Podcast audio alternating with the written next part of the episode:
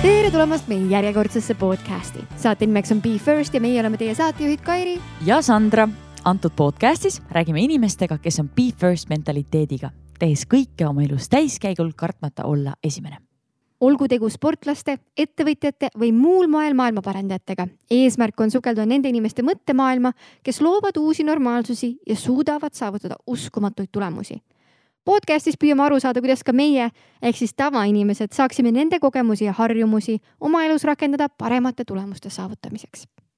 meie tänase saate külaline lendas suure nõudluse tõttu põhimõtteliselt otse Dubaist siia meie stuudiosse ainult Sportlandi podcasti tarbeks peaaegu natuke muud teeb ka, aga meil on täna külas energiast pakatav ja meeletult inspireeriv naine, kes ei ole muutnud mitte ainult minu stiilitunnetust, vaid ka väga paljude suurte brändide turundust. meil on täna külas Liisa Ennuste. ja tänases saates räägime me ohvrite toomisest, turundaja vastutusest, sellest, mis vahe on raskel hävitaval ja raskel arendaval ja sellest, miks on oluline lugeda arvamusi, mis on vastupidised sinu oma arusaamadele ning otse loomulikult raamatutest. üks käsi üles, teine käsi üles, paneme need kokku. tere tulemast saatesse, Liisa Ennuste.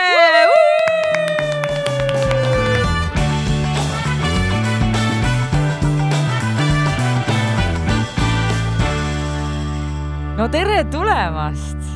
tervist. tere aitäh, et leidsid aega. olen kaua aega oodanud, et siin olla ja kusjuures äh, väga paljud meie kuulajad on ka väga kaua aega oodanud. väga paljud kohe jah? no mingi kolm vähemalt ei, minul on küll öeldud. no see on rohkem kui keskmiselt. sellepärast, et kui ma äh,, meie, meil on praegu saates uus segment. ma tahtsin hakata vaatama küsimusi, et mis on Liisale esitatud ja siis mul tuli meelde, et ma ei saa seda vaadata, sest mul on lennurežiim. aga ma siis tahan öelda, et päris palju küsimusi esitati sulle ja sa saad need äh, hiljem saate lõpus teada aga saadet me alustame ikka alati ühte samamoodi. kas sa tead, kuidas yes. me alustame? Teil on mingid hästi rasked kiired küsimused, mida keegi ei mäleta kunagi jah, täpselt nii ongi, ehk siis Maks me alustame hästi lihtsalt, hästi lihtsalt alustame. meil on siis kõige esimese asjana alati väikene mäng, minu esimesed. meie alustame lauset ja sina lõpetad selle mm. -hmm. ja äh, kui sa vähegi saad, siis ole konkreetne, Liisa ma ei tea, kas ma vähegi saan Aha, seda teha okay. no kui sa. ma tahan kõik otsad lahti jätta. aa, okei okay., ei no väga et hea. kuulaja saaks ise otsustada. sinu elu see on nagu see Bandersnatch et äh, vali ise, mis pidi läheb, aga okei okay, äh,, igal juhul hakkame pihta. esimene õnnestumine. juba nii raske küsimus ah, ah, kusjuures äh, tegelikult ma mõtlesin sellele natukene, et ähm, minu esimene õnnestumine äh, ja ma ei ole seda äh, sellele hästi pikalt mõelnud, aga see vist on see äh, kord, kui ma võib-olla esimeses või teises klassis võitsin luulevõistluse. ma kirjutasin luuletusi väiksena hästi palju ja ma võitsin luulevõistluse terve kooli raames äh,. ma pidin selle ette lugema kooli äh, aulas laval kõigile. ma mäletan, et ma värisesin nagu haavaleht, lugesin ette selle ning äh, auhinnaks oli siis just avatud Kadrioru lossi ähm, selline külastustripp ning ma kohtusin Lennart Meriga oh man millest see luuletus oli? saad aru? kas see oli Hiirest? ei, Liisa, kas see oli Hiire? aga oota, aga see Hiire luuletuse lugu on tegelikult päris äge. ma tahan kuulda kõigepealt, millest see luuletus oli, siis räägime Hiire luuletusest okay. issand, te teate need kõiki mu luulekogu, et ma ja, nüüd ette ja. teile tsiteeriksin um,. ma ei mäleta, kusjuures see on väga hea küsimus, ma mäletan ainult, et selles luuletuses oli mainitud Herilast ma olin selline hästi suur loodushuviline, nii et. ja mis teema selle hiirega nüüd siis on, mis luuletus see veel on? no hiire luuletusega on selline teema, et ma ei tea täpselt, mida need inimesed arvama nüüd hakkavad, kui ma räägin sellest, aga ühesõnaga mina tahtsin endale väga-väga kõvasti hiirt saada esimeseks koduloomaks. kuna mu ema paaniliselt kartis hiiri, siis ei tulnud kõne allagi aga kuna ma kuidagi väiksena oskasin nagu dramaatiline olla sellistes asjades, siis ma kirjutasin sellise A4 pikkuse hiireluuletuse. Hästi armsa, joonistasin hiired sinna juurde ja siis tõin oma ema juurde ja siis äh, ta ütles endiselt, et äh, ei, mitte mingeid hiiri ei too koju ja siis selle peale ma mäletan, et ma rebisin tema ees selle luuletuse tükkideks ja viskasin prügikasti, aga ise ma peas teadsin, et ma olen sellest koopia kirjutanud, mis on üleval minu sahtlis no.. siis ma teadsin, et tal hakkab nii kahju, et ma enda loomingut hävitan. kas sa said selle hiire siis või ei saanud? ei, loomulikult mitte, aga ma sain kassi ma ei tea, kas see on parem või, või halvem mm,. okei okay,, konkreetsed küsi-, vastused läksid juba esimese küsimusega lappama, aga pole hullu äh,. Liisa, sinu esimene läbikukkumine. kas see, kui sa hiirt ei saanud? see ei olnud nagu minu läbikukkumine või noh, okei okay,, mul oleks võinud olla better negotiation skills, aga ma arvan, et läbikukkumine, sellist ühte konkreetset äh, sündmust nagu ei ole, aga ma üldse lapsepõlves, ma arvan, minu selline läbikukkumine oli see, et ma ei suutnud enda eest üldse seista. et kui ma nagu tagasi lähen, siis seda ma näen nagu enda suurima läbikukkumisena, aga ma arvan, et tänasesse päeva on see pigem kaasa aidanud aga kas sa teeksid midagi teisiti või et äh, kuidas sa praegu käituksid, kui sa vaatad tagasi, et kas sa, mida sa teeksid teisiti näiteks, et seda vältida? seda on nagu üsna raske öelda, sellepärast et ma ei olnud toona selline inimene, nagu ma praegu olen, et ma ei saanud midagi teisiti teha. ehk siis äh, pidigi natuke kannatama selleks, et hakata hiljem enda eest seisma. kuidas see enda, kuidas see välja nägi või mis juhtus? No näiteks äh, minu üks suurimaid koolidraamasid oli see, et äh, üleüldse ma ei käinud lasteaias, sellepärast et ma kartsin teisi lapsi ähm,. siis ma läksin kooli ja siis äh, ma kartsin, et või noh, mu vanemad ka natuke kartsid, et äkki mind hakatakse kiusama, sellepärast et mul ei ole, ma ei ole harjunud nagu enda eest seisma äh, teiste laste seas. ja siis üks minu klassivend ähm, tegi sellise nalja pärast kooli, et ta võttis mul koolimütsi peast ära ja viskas selle maha ja, ja siis selle peale, see, see on selline tegelikult, kui sa mõtled nagu kool, nagu tavalist koolielu üsna igapäevane asi, onju.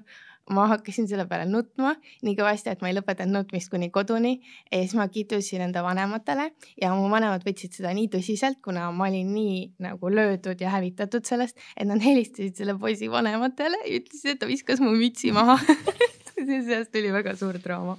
ma ei suutnud handle ida sellist asja see on nii kummaline mõelda, sest tänasel hetkel sa oled nagu kõige sotsiaalsem inimene, keda ma üldse tean nagu. ja ma ei, ma ei, ma ei olnud väga sotsiaalne, ma istusin esireas ja mul olid kõik viied ja ma ei, väga tihti ei rääkinud midagi. klassi ette minek oli väga suur selline ärevust tekitav.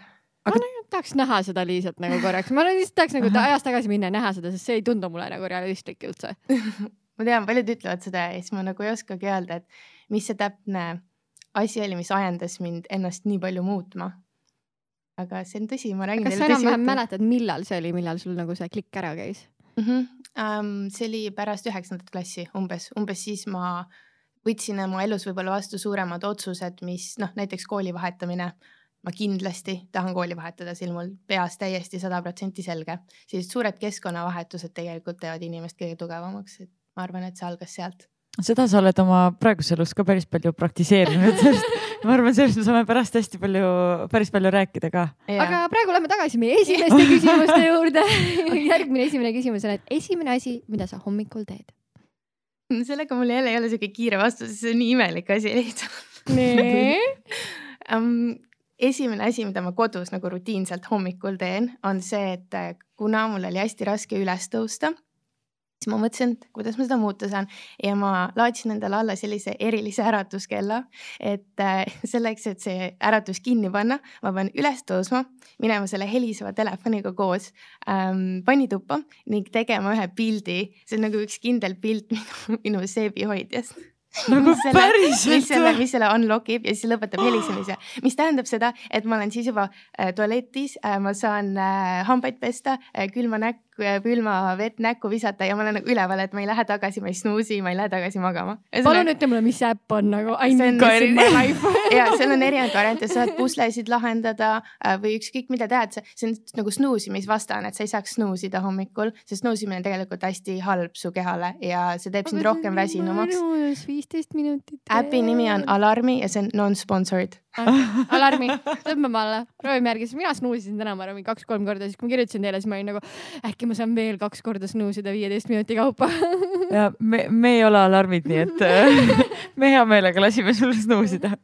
Ähm, okei, järgmine küsimus, äh, sinu esimene Instagrami postitus ma Instagramit ka tõmbasin endale kohe, kui see välja tuli ja mitte sellepärast, et seal jälgijaid koguda, vaid sellepärast, et lahedaid efekte oma piltidele panna ning neid siis panna orgutisse. oota, kiire küsimus, mis oli lemmikfilter?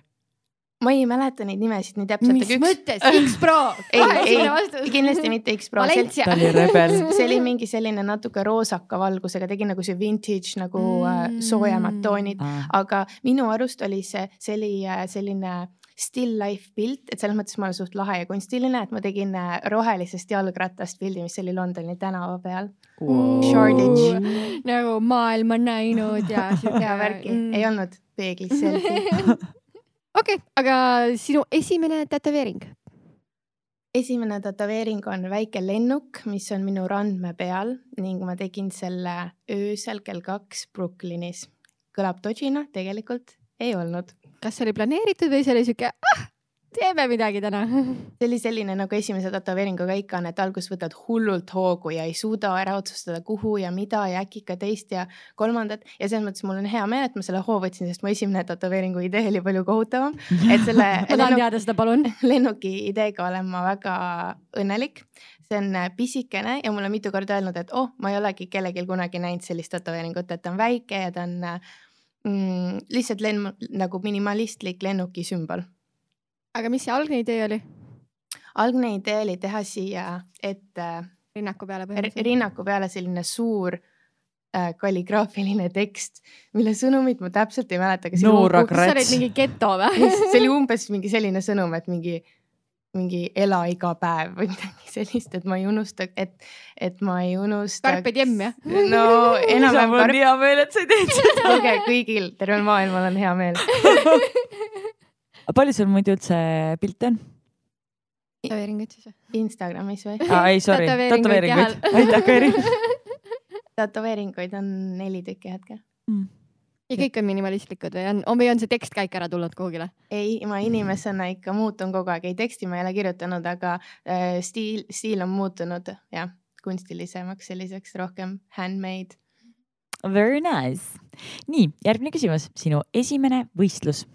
Mm, ma täpselt ei mäleta, aga ma käisin koolis äh, kergejõustikutrennis ja ma käisin võistlustel pidevalt ja siis ma käisin ujumistrennis ja ma käisin võistlustel, nii et äh, spordivõistlused olid mul nagu väiksena, ma olin üsna, üsnagi hea ja üsna kiire ka ähm,. aga alati mingi äh, koolis kuidagi alati juhtus nii, et mingi neljas koht või midagi sellist, et vahepeal olin esimese kolme seas, aga minu arust ma alati jäin na nagu napilt välja. see iseloomustab mu lapsepõlve. aga sa enne mainisid ka korraks, et sa sõid kassiga, kas ta oli su esimene lemmikloom, kes su esimene lemmikloom oli? Kass jah? oligi kass jah? ja mis ta noh, nimeks sai? hiir ei olnud ju. kas su kassi nimi oli Hiir? oleks võinud panna kassile Hiir nimeks. ema pärast lihtsalt. mõtle, kui paanikas ta oleks olnud, kui sa oleks hõiganud Hiir, Hiir. appi, ma ei ole su emaga kunagi kohtunud, aga. aga miks siis kass lihtsalt Ah. sellepärast, et sa midagi muud ei saanud või? nagu, mitte midagi muud ei no mitte saanud. midagi muud ei saanud. koer oli nagu liiga palju um, responsibility't ja kassi me leidsime sellise väga ilusa vene sinise. et äh, ma ei teagi, kuidas need kõik see, need nagu need tähed kõik niimoodi ritta läksid, aga jah, tõimegi kassi koju ja tuli välja, et kõige kurjem kass, kes maailmas elab. okei okay,, kurjuse juurest äh, ilusate mõtete juurde, mis oli sinu esimene armumine? esimene armumine um, oli arvatavasti siis ikka kusagil seal äh, varajases tiineka eas, kui ma hästi palju rulafilme vaatasin, et kuna ma olin selline introvert, siis ma kunagi skateparkides hängamas ei julgenud käia. ja siis ma olin kodus ja vaatasin rulafilme ja siis ma armastasin ühte skeiterit. nagu Eesti skeiterid, välismaa ei skeiterid äh,, välismaa skeiterit, kusjuures ta on Eestis käinud ka Sheckler, nagu mu skeidisõbrad teavad. ja kas sa oled nüüd kunagi mõelnud, et oh, võiks seda veel kohata ja? sa mõtled, kas ma olen nüüd tast üle saanud? kas sa oled üle saanud selle, mitme aastaga see on nüüd siis? kümme, viisteist? no ikka vist rohkem um,. jah, ma olen nüüd viimaks tast üle saanud ja eluga edasi liikunud ja näen uh, seeing other people. Aga see on päris huvitav tegelikult, kuidas äh, noores eas tõesti oli nii lihtne oli armuda mingisugusesse kaari Jaa, kuskil nagu plakatid seina peal ja märkmikusse kirjutad kõik unistused välja. jah, ma tõesti olin armunud, ma kuulasin sedasama lugu, mis selle tema skeidi uh, videoklipi taustal oli. nagu religiously, ikka see oli nagu minu, minu, minu hümn mis laul see oli, sa mäletad ka? ähm, ma oskan hiljem, see oli lahe laul, selles mõttes ma aga sa laulda oskad seda? Laulda ma üldiselt üldse ei oska, ma võin seda inimeste piinamiseks teha, aga see ei ole see podcast. okei aga me oleme jõudnud lõpusirgele, meil on veel viimane esimeste küsimus ja. ja see on esimene kord, kui tundsid enda üle mega suurt uhkust. see on kõige raskem küsimus. oot-oot, podcast on alles noor vot nagu, eks neid uhkusmomente ikka mingite saavutuste läbi nagu lapsepõlves oli, et oh, vaata, saingi, noh, ma olin hästi tubli õpilane, et mul olid enam-vähem kõik viied ja saingi, lõpetasin põhikooli kõikide viitega ja kõik sellised asjad, aga ma ei, ma ei mäleta, kui suur see uhkustunne nagu lapsena on. et ma arvan, et seda hakkad natuke hili, hilisemalt tundma ja teistsuguste asjade üle, et need ei ole nii konkreetsed, et sain sinna kooli sisse või sain selle töökoha või natuke nagu, natuke nagu sügavamad. aga millegipärast nagu elus me ikkagi tagasi vaadates toome uhkuskohti välja nagu hästi konkreetsete käeskatsutavate saavutuste näol. et ja, ja ka praegu, ma praegu mõtlen, et ma ei kujuta ette, mis täpne hetk see on, aga ma arvan, et see on mõni nendest kordadest, kui mu isa mulle on öelnud, et väga tubli oled, et seda saavutasid või, või võib-olla siis, kui ma Londonis kooli lõpetasin ja üsna kiiresti tööle sain enda erialaselt siis, kui ta seda LinkedIni postitust jagas. Prioriteedid, prioriteedid. Väga äge, aitäh, Liisa kuidas sulle meeldis meie esimeste mäng? Okay, aitäh, podcast on läbi. mul ongi palju teha, tegemist siin täna veel. ei, nüüd me hakkame pihta selle päris, päris osaga, nüüd me räägime natukene su tööst, sellepärast et kindlasti on meie seas ka kuulajaid, kes ei ole kursis sellega, mida sa teed, kes sa oled, kust sa tuled.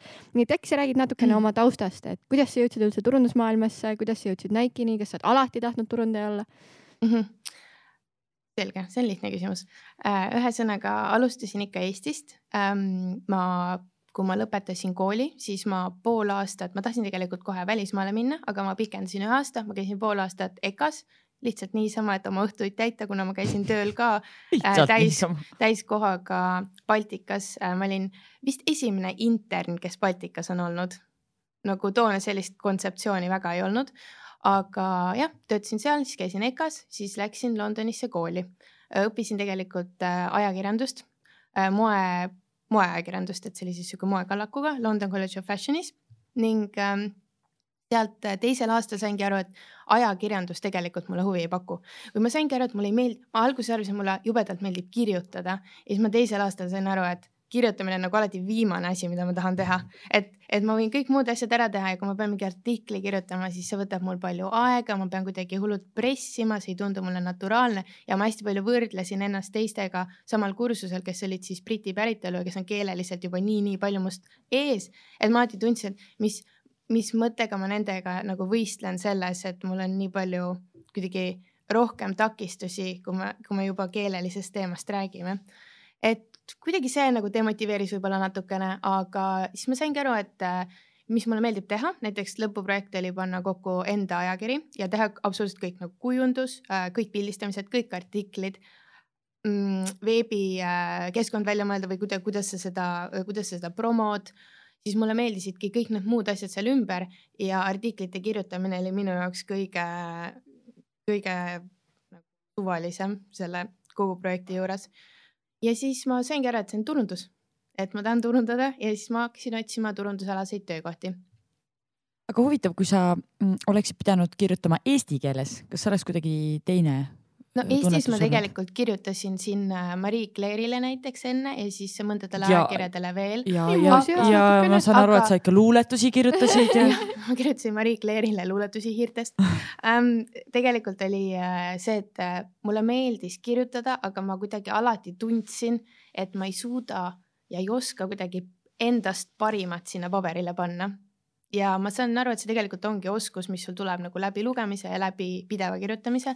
aga jah, ma hästi palju võrdlesin ka ennast äh, teistega ja nagu ma teadsin täpselt, kuidas ma tahaksin kirjutada, umbes nagu kivirähk ühesõnaga, et äh, ja, et siis ma Londonis läksin tööle turundusala ja saingi aru, et see on minu jaoks täiesti õige koht, kus on selline pool, viiskümmend protsenti numbrid, viiskümmend protsenti kunst ja et ma sobin sinna vahele selleks äh, mediator'iks ning äh, sealt äh, see karjäär läkski turundusradadel edasi, et siis kolisin Eestisse mingi kuus aastat peaaegu olin Londonis, siis kolisin Eestisse, oli suur šokk tagasi olla, aga kõik oli muutunud ja sõbrad olid muutunud ja, ja kõik, kõik pidi, kõike pidi uuesti alustama siit. Ja Eestisse tegelikult ei ole alati nii lihtne, sest et kuidagi kõigil on, kõik, kes siin on olnud, neil on nagu omad pundid ja omad asjad ja siis sa tuled nagu kusagilt mujalt natuke võõrkehana ja siis äh, nagu koliks välismaale uuesti mm. -hmm. põhimõtteliselt. aga siis jah, olin siin kolm aastat äh,, töötasin Nike'is turundusjuhina Baltikumis ning äh, siis äh, rest is history Rest is future. Rest is Future läksin siis selle aasta alguses edasi ähm, Lähis-Ida Nike'i või põhimõtteliselt seda on alati inimesteni raske nagu seletada, mida ma teen, aga ma töötan Nike'is Dubais, aga meie terveks regiooniks on Lähis-Ida ning samasugune ülesehitus nagu siin, et see on distribuutor, aga jah, me teeme kogu turundust Nike'le ja väga-väga tihedas koostöös Nike Euroopa peakontori tiimiga. See on äh, üks asi, mida kindlasti väga paljud inimesed mõtlevad, kuidas on võimalik üldse saada see jalg sinna Nike'i ukse vahele, kui lihtne sul oli Eestis saada seda positsiooni, et sa saad nagu Nike'iga teha asju? Ma ei, ma ise, ma isegi, sellele on nii raske nagu leida vastust, et, et kindlasti ei ole lihtne, sellepärast et äh, see on üks töökoht meil ei ole nagu ma olin, tegin tur, turundusmeeskonnas või noh, mina tegin turundust põhimõtteliselt üksinda, noh lisaks on muidugi, muidugi retail ja siis on Lätis ja Leedus on abilised, aga jah, et see ei ole suur meeskond, kuhu pidevalt uusi liikmeid otsitakse. et äh, ja noh, see minu protsess sinna saamisel ei olnud ka nii lihtne, et kui ma niimoodi räägin, et oh, olin Londonis, siis olin Eestis, siis lähen Dubais, siis kõik tundub, et ah oh,, kogu aeg tööpakkumisi nagu lendab sinna inbox'i, et ainult võtan vastu või viskan prügikasti ja siis niimoodi elu läheb edasi kogu aeg ainult tõusuteel. et tegelikult eh, see oli ka omamoodi protsess, ma ei tea, palju ma siin rääkida tohin sellest, aga ega seal oli pidevalt ootamist ja ebaselgust, et eh, enne kui ma alustada sain, sest et seda töökohta ei olnud, see loodi ja see on minu kuidagi natuke nagu mingi muster olnud ka, et minu jaoks on loodud töökohti nagu järjest, et ma asun tööle ja see ei ole niiviisi, et hakkan siis täitma neid tööülesandeid, mis seal punktidena on toodud, vaid ise natuke loon selle rolli ja miks seda üldse vaja oleks sinna firmasse ja mõtlen sellele, et sihukest iseseisvust on üsna palju. aga kuidas sa, kuidas sa jõudsid selleni, et sa näiteks äh, et kuidas sa jõudsid selleni, et sulle loodi selline töökoht, sest et äh, see on, ma lihtsalt äh, räägin backstory't, ma just äh, su, rääkisin ühe inimesega, kes ütles, et mm, tahaks ka oma karjääri muuta ja tahaks tahaks teha midagi sellist näiteks asja X, aga sellist positsiooni ei ole olemas, järelikult ma ei hakka üldse proovimagi. et mi, mis võttis, mis andis sulle selle tõuke proovida seda ja pakkuda ennast sellisesse kohta, et nüüd hello, ma olen siin ja tahaks teha sellist asja mm,? No algselt peab natuke firmasiseselt olema ikka juhtkond või keegi, kes nagu usub, et seda positsiooni on vaja, et niimoodi täiesti nullist tulla raiuma seda sinna sisse, et pigem ei, ei toimiks, et pigem võib-olla siis leida mõni viis, kuidas freelancer'ina nendega koostööd teha ja näidata, mis see väärtus on.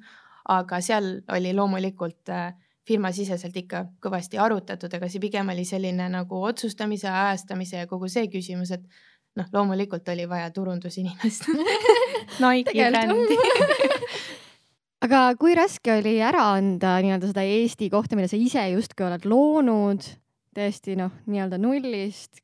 see oli keeruline ka oma beebi edasi üldse ei olnud raske, sellepärast et ma leidsin nii hea inimese sinna.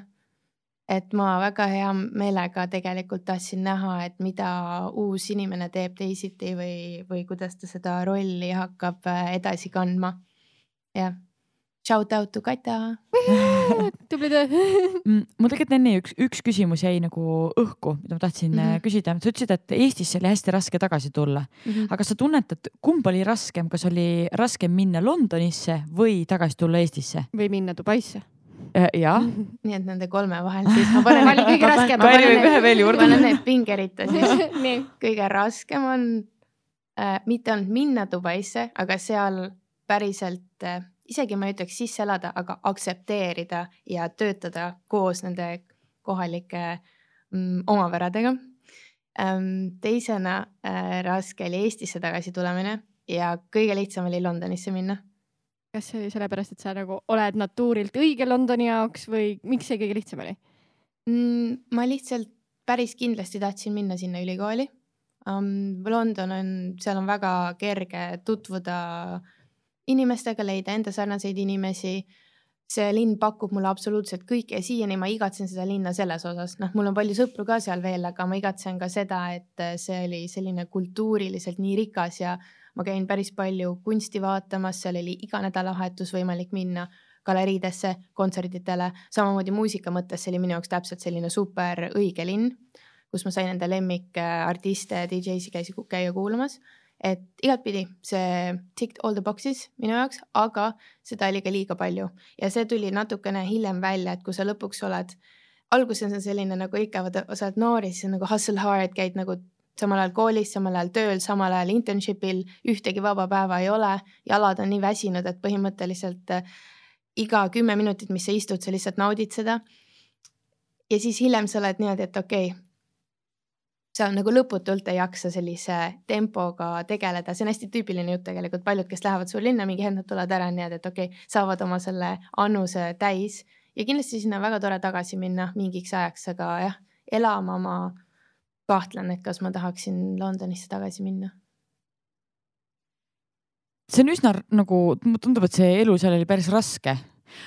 Mis, mis hetkel sa saad aru, et see olukord on, äh, sa oled ise seda sellise väljendi öelnud, et äh, kas see on raske hävitav või see on raske nagu arendav mm, -hmm. et kuidas sellel vahet teha mm? -hmm. see ongi hästi raske, raske vahet teha ehk siis ma arvan, et see on sisemiselt selline dialoog, mida sa iseendaga pidama pead. Äh, et vahepeal kannatada on hea, nagu kui sa seda aktsepteerid, siis see on raske arendav.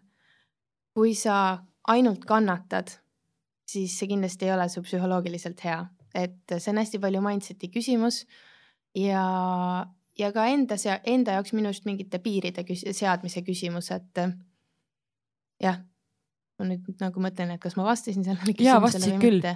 aga oled, on sul nagu, on sul välja kujunenud mingisugused äh,, nagu sa ütlesid, et see on selline mindset'i küsimus, kas sa teadlikult kuidagi oled sellise mindset'i enda jaoks loonud või kust sul tuleb see, ma ei tea, see, see mõte, et aa ah,, okei okay,, nüüd on see ja nüüd on see mm -hmm. raske hariv, nüüd on see raske mhm, pigem see on kõik enda mindset'i kujundamise küsimus, et see ei ole naturaalne, kellelgi ei ole loomulik kannatada või, või raskustest läbi nagu minna, et hästi palju, mida sa näedki pigem tänapäeval ümberringi vaadates, et nii kui raske hakkab või nii kui on nõme, siis on äh, aeg kohe vahetada töökohta või minna ära või, või teha midagi, mis kõige rohkem meeldib.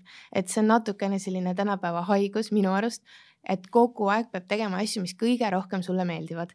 see ei ole võimalik ja see ei ole jätkusuutlik ja see kuidagi on selline natuke ähm, lille, mitte lillelapse, mis see hea nagu tähe, äh, sõna on? ma ei tea, praegu on popp öelda lumehelbekese. lumehelbekese nagu tendents, et, et justkui jah, et, et, et maailmas on ju nii palju variante ja nii palju võimalusi ja mina peaks saama teha ainult enda lemmikasja, millega ei kaasne ükski raske asi et see on, see ei ole, see ei ole võimalik ja sa saad sellest aru võib-olla alles siis, kui sa oled piisavalt kaua ähm, töötanud ja teinud erinevaid asju ja näinud erinevate asjade nii-öelda neid nagu häid ja halbu külgi.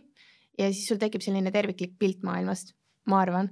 aga samas ma näen ka seda üsna palju, et need, kes tahavad neid enda lemmikasju ainult teha, jooksevad ühelt asjalt teisele, tegelikult hiljem nad on pigem äh, depressed ja nad ei arene ka kuhugile, sest ja. kui sul ei ole väikest survet, siis on väga keeruline kuhugile nagu edasi ja. minna. jah, et selle üldise suure suuna puudumine on tegelikult, ma arvan, üks põhipõhjuseid, miks inimesed äh, on, nad ei ole rahul sellega, mida nad teevad, nad ei ole õnnelikud ja nad ei näe ka väärtust kannatusel, sellepärast et kui sul ei ole seda suunda, kuhu poole sa oled pidevalt teel ja see on mingisugune äh, overarching, võib-olla see isegi ei ole täiesti kättesaadav, aga see on mingi asi, mis sind, see on enam-vähem nagu religioon. aga siis me räägime kapitalistlikus maailmas, kus sul on nagu võib-olla mingi eesmärk, mis on su tööalane või nii, aga sa oled nõus selle nimel, ongi kaks tundi magama, eks ole. Kari relates. Kari tahad rääkida sellest jah, et, et siis sa, nagu see väsimus, siis on millegi arvelt, millesse sa väga usud. ja seda on, seda on vaja ja siis sa oled nõus ka raske, raskete raskete aegadega ja, ja, ja nä-, ja nägema seal pigem arengut mul on tunne, et osad inimesed ka kaifivad natukene siukest nagu probleemide lahendamist ja pingeolukordi, et kas sa oled kuskilt otsast siukene tüüp, et sa tegelikult nagu natukene saad kaifi ka sellest, et nagu, et sa, sa tead, et sealt tuleb midagi head mm,? jah, probleemide lahendamist ma kindlasti selles mõttes, ma arvan, et mida ma kaifin, on äh, elluviimist, et äh, execution mindset, et kui mingi asi on vaja ära teha, ma teen selle ära, nagu ma lihtsalt olen nõus äh, pressima asju läbi, mis mul enda peas on nagu plaaniks võetud. et äh, ma väga harva ähm, olen nõus alla andma või kompromisse tegema, kui, kui, kui need on lihtsalt nagu mõistlikud kompromissid, siis loomulikult, aga aga jah, et ma naudin nagu seda, et sihukest konkreetselt rasketes olukordades olemist ja seal probleemide lahendamist ma ei oska. ma ei, ma ei ütleks, et ma väga naudin, et ma pigem näengi neid lihtsalt õppetundidena, aga ma nagu näen, et asju saaks maailmas teinekord palju-palju lihtsamalt teha ja neid millegipärast tehakse liiga keeruliseks. et ma Dubais olen seda eriti palju näinud, kus on igat asja valitseb, valitseb draama, äh, valitsevad igasugused Äh, takistused, mis on nagu justkui ma ei, ma ei tea, kust sinna tekkinud või loo, inimeste loodud, mul on tunne, et neil on vaja entertainment'it, et mingi asi on hästi keeruline lihtsalt sellepärast, et see oleks natuke meelelahutuslik. et nagu väga lihtne on tegelikult, asju on, üleüldse ma, maailm on tegelikult päris lihtne mõnes mõttes, aga väga paljudele inimestele ei meeldi see et see on nii lihtne, et siis on vaja asju teha väga keeruliseks, väga palju emotsioone ja egoismi igasugustesse otsustesse sisse panna kas sa saad mõne näite äkki tuua, et mida on olnud väga nagu keeruline seal teha, mis tegelikult võiks olla väga lihtne mm,? no väga paljusid otsuseid teeb äh, raskeks näiteks poliitika, et äh, on palju erinevaid osapooli ning selle vahel navigeerimine ja, ja siis saavadki väga lihtsatest, väga loogilistest asjadest, mida peab tegema, sellised äh, pikad äh, meilivahetused ja igalt poolt äh, mingite arvamuste nagu overrule imine, et, et ma ei oskagi seda, seda konkreetset äh, näidet on siin hästi raske tuua, aga pigem jah, kui sul on väga palju osapooli, ei ole kindlat süsteemi, on hästi palju, on, on inimesi, kellel on suurem egoism ja kes äh,, ego tähendab ja nad arvavad, et ainult nende viis on õige, nendega on raskem kompromisse leida ja hiljem nad hästi häälekalt üritavad äh, sulle teatavaks ka teha, et nemad tahtsid teistmoodi teha, mis oleks olnud ju ideaalne, et kui seal, noh, ühesõnaga mhm. unnecessary drama selliseid raskeid olukordi kipub ikka tööl tulema, et mis mhm. on need asjad, mida sa oled õppinud, mis aitavad seda kuidagi lihtsustada või mm -hmm. kergemaks teha su elu mm? -hmm. kas siis nüüd just, äh, siis see küsimust väga äh, defineerib nüüd see, et kas sa mõtled Eestis või Dubais? mõlemat okei okay., sest Dubais ma olen õppinud kaose keskel leidma mingeid pidepunkte ja nagu jääma rahulikumaks, sest mulle ei meeldi kaos, mulle meeldib, kui asjad on väga selged äh,, on väga kindlad äh, kokkulepped inimeste vahel, inimesed saavad neist ühtemoodi aru. Ja asjad juhtuvad ähm, plaanipäraselt, õigeaegselt. Ja kui näiteks ma teen turundusplaani ja seal on kümme elementi, siis need kümme elementi minu maailmas nagu seal ei ole mitte ühtegi põhjust, miks need kõiki ei võiks nagu ellu viia.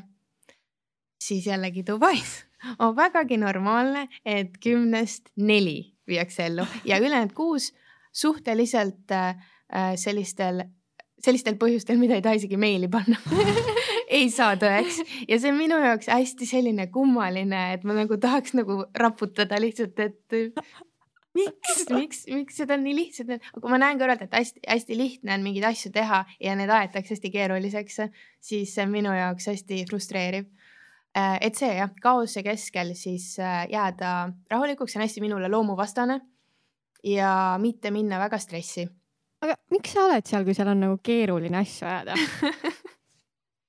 hea küsimus, Kairi ma, ma, ma olen selle lumehelbekese mindset'i, et äh, miks sa lihtsalt ära ei lähe, miks mujale ei lähe? ega see ongi mingi etapp mu elus, et selles mõttes ma ei läinudki sinna, et seal olla väga pikalt, et äh, ma teadsin, et seal saab olema keerulisem.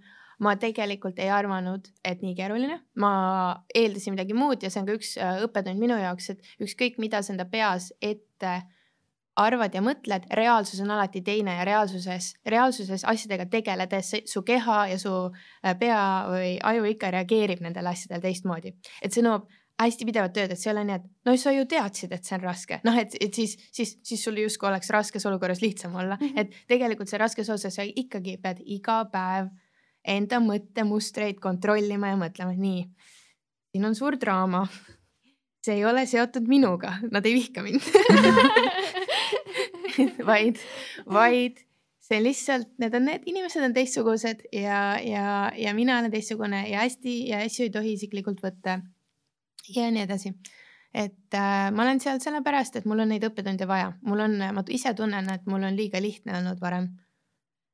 aga ma, ma, ma nagu mul on ikka tahaks... tunne, et seal on nii väike see nagu kaifi tunne ma tahaks ikkagi natuke su, ma tahaks su aiu natuke sisse minna no., sest et eh, vaata, sa oled hästi palju rääkinud sellest mindset'ist ja, ja ma tean, et see sinu puhul aitab, aga mida sa täpsemalt teed, kas sul näiteks ongi, kujuta ette, et sul on mingi hull päev, sa tuled kontorist ja nagu täielik paanika, mingi nädala aja pärast peab olema lansseeritud mm -hmm. mingi kampaania mm, -hmm. et mis on need praktikad, mida sa teed selleks, et, et ennast siis nagu mm -hmm. maha rahustada?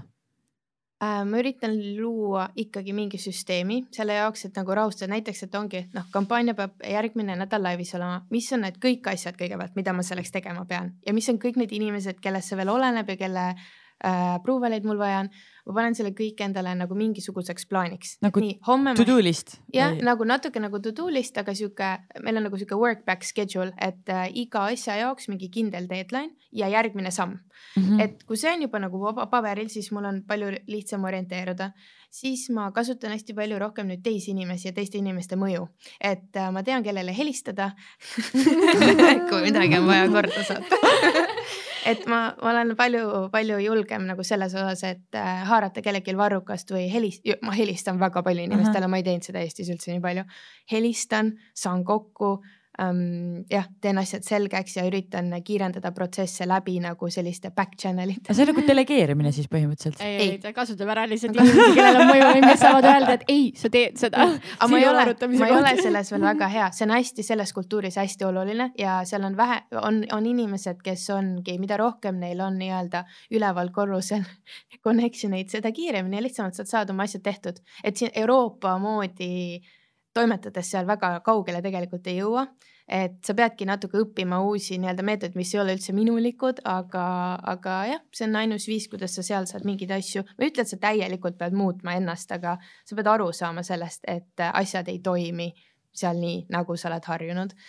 Et see on üks, teine on see, et ähm, äh, kindlasti mediteerimine, ma peaksin seda rohkem tegema, ma arvan, aga see aitab natukene ennast eraldada kogu sellest pahnast, mis seal ümber on, et kui sa päeva lõpus nagu istud ja mõtled, et nii, kes olen mina, kes on nagu Liisa Ennuste ja, ja mis on need kõik asjad, et kas see probleem seal emailis päriselt mind inimesena kuidagi on minust osa või mõjutab, siis sa saad tegelikult aru, et ei ole, need on mingid asjad. mulle nagu hästi meeldib seal äh, mediteerimisäpis Headspace on üks selline pilt või videoklipp, kus äh, inimene istub, on ju, keskel ja siis need pilved äh, lendavad mööda, iga pilve peal on need mõtted või situatsioonid või asjad ja sa saadki aru, et need on asjad, mis liiguvad mööda, nad ei ole sinu sees, nad ei ole sinu südame sees. et kui sa seda oskad juba eraldada, siis sa saad aru, et sina oled teine inimene kui see, sa ei samasta ennast nende probleemide või stressiallikatega, aga ma, seda on lihtne, hästi lihtne rääkida, ma olen ikka stressis selles mõttes, et ma pigem aitan ennast lihtsalt natuke sellega, et ma olen inimesena juba rohkem stressav inimene, kui, kui it makes sense nagu naturaalselt. Oh, it makes sense for me. Et äh, mulle lihtsalt hästi paljud asjad lähevad korda ja, ja, ja seda peab väga tihti igapäevaselt mõtlema, miks see asi ei peaks sulle niimoodi korda minema ja see tuleb äh, nagu iga asi, mida rohkem sa ennast paned sinna olukorda, seda tugevamaks sa muutud ja sellepärast on rasked olukorrad, teevadki sind lihtsalt äh, paremaks inimeseks päeva lõpus. kas see mediteerimine on justkui nagu iseenda motiva-, motiveerimine ka samaaegselt või et äh...? see on elus püsimine okei okay,, aga kuidas sa ennast motiveerid? Et kas nagu. ilmselgelt sa rabeled rohkem kui paljud inimesed, et sa võtad lauale väga palju erinevaid projekte ja asju, kasvõi siia podcast'i tulek, et kuidas sa. otse nagu, Dubaist kuidas sa motiveerid ennast nagu rabelema nii palju, kui ei peaks tegelikult um,? ma arvan, et uh, mul on selle motivatsiooni kohta palju enne ka küsitud, aga just pigem just trenni osas nagu rohkem, kuna ma käin trennis päris palju, aga mul on hästi kõrge naturaalne motivatsioon asju teha ja ma tean, et see ei ole nagu see rahuldav vastus, et äh, motivatsiooni üks, kaks, kolm, äh, kolm parimat nippi elu, elukestvaks heaks motivatsiooniks. et see, see lihtsalt ei olegi nii, et mul on, mul on endal hästi kõrge motivatsioon asju teha, sellepärast et ma tahan ise pidevalt muutuda. Ma tahan pidevalt uusi olukordi. Ma tüdinen, ma arvan, kiiremini kui keskmised inimesed, mulle ei meeldi äh,, ma ei salli igavust. äh,, ma olen hästi äh,, mulle ei meeldi igavus, mulle ei meeldi igavad inimesed, ma nagu ei suuda, ma ei taha sellega tegeleda.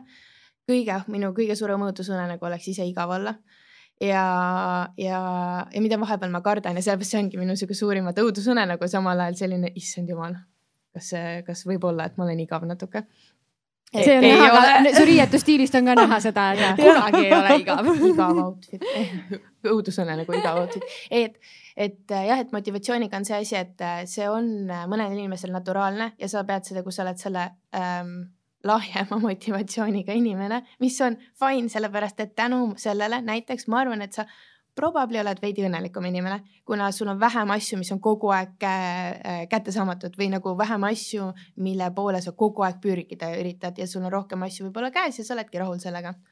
et äh, nagu väiksemal motivatsioonil ei ole nagu midagi halba sellega kaasnevad väga, ma arvan, et sind ennast rahulikumaks tegevad omadused, kui nii saab öelda.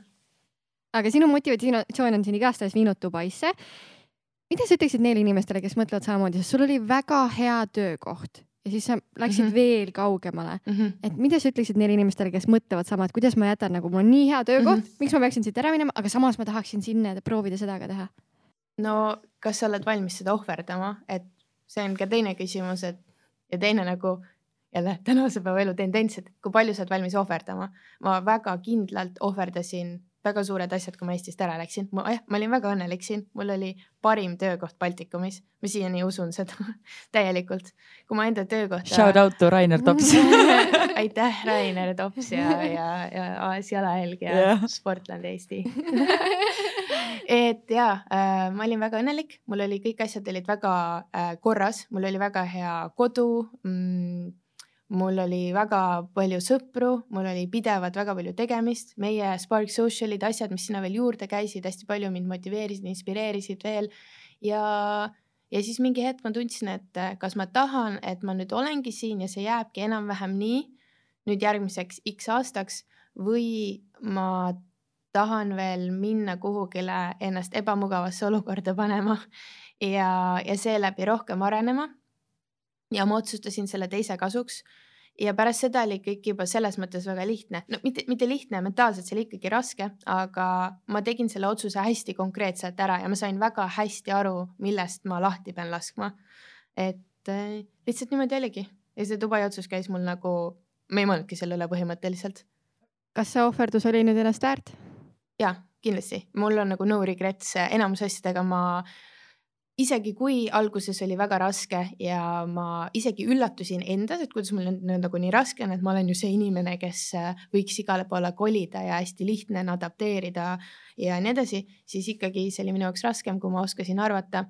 ja too hetk ma natuke mõtlesin, kas see oli väärt seda, aga üldiselt äh, elu ongi nagu sihuke pikk õppetundide jada ja see on hästi klišee, aga tegelikult, kui sa tagantjärele mõtled, siis ma näegi, miks kõiki neid õppetunde mul niiviisi vaja oli. Ja nagu ma ütlesin, et rasked olukorrad teevad sind paremaks inimeseks ja ma ei oleks tahtnud tegelikult selles lihtsas setup'is väga kaua edasi olla, ma oleks nagunii leidnud midagi muud, nagu see, see, et ma sinna läksin, oli üks variant. Teine variant oleks võib-olla hiljem tulnud, aga ma nagu usaldan elukäiku, sest et kui sa tagasi vaatad, siis alati sinu otsused tagantjärele alati kuidagi tunduvad loogilised või et läksin sinna, sain neid vajalikke kogemusi ja siis läksin sinna ja siis ma kasutasin neid vajalikke kogemusi, et tegelikult terve elu ongi selline, et ükskõik, mida ma oleks otsustanud, ma praegu ütleksin, jah, see oli väga õige otsus nagu tegelikult elu on selline. aga kas see on nagu tagantjärgi põhjendamine endale, et tegelikult kõik oli hästi otsustatud või lihtsalt? Ei, see ma nagu naturaalselt tõesti usun sellesse. et universumil on mingi plaan äh,? ei äh,, ma arvan, et inimestel endal peab olema mingisugune plaan, et äh, universumil ka on äh, mingi, universum on juhuslik selles mõttes, et kõike võib alati, iga sekund äh, on võib-olla tuhat erinevat varianti, mis juhtub rohkem kui tuhat, infinity, et et äh, selles osas peab oskama lihtsalt kuidagi navigeerida, et ma nagu ausalt, see on lihtsalt ka osa minu persoonist, et nagu mul on lihtsam lahti lasta asjadest, siis ma, mul on, ma ei hoia ka kinni mingisse kahetsusse kunagi.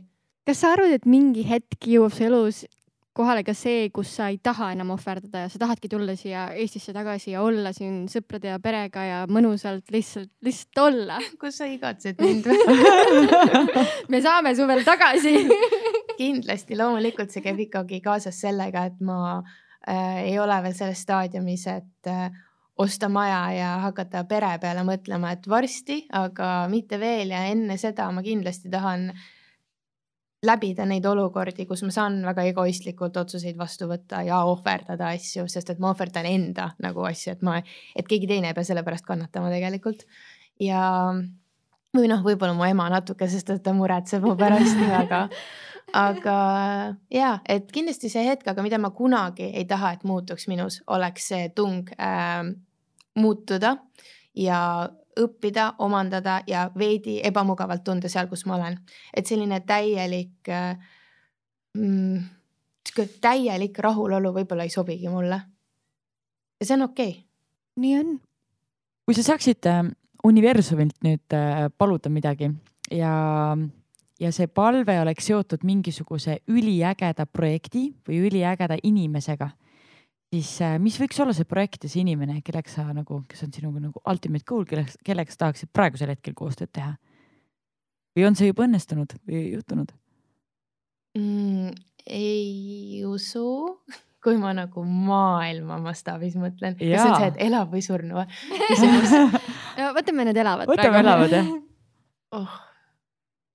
We're nagu... setting goals here ja just töö mõttes jah. jah, me ütleme selle mhm. universumile praegu välja, et sa saaksid mm -hmm. selle kunagi mm. -hmm. mul on seda inimest hästi raske hetkel niimoodi kiiresti välja mõelda, aga ma tean nagu missiooni, millega ma tahaksin tegeleda ja kus ma võib-olla tahaksin natuke rohkem kogemust saada, et näha, kuidas seda tehakse. see missioon siis seotud Nike'iga, et äh, noorte spordiharjumuse tekitamine on minu jaoks hästi nagu selline südamelähedane ja mingil määral ma sain Eestis seda väga palju teha.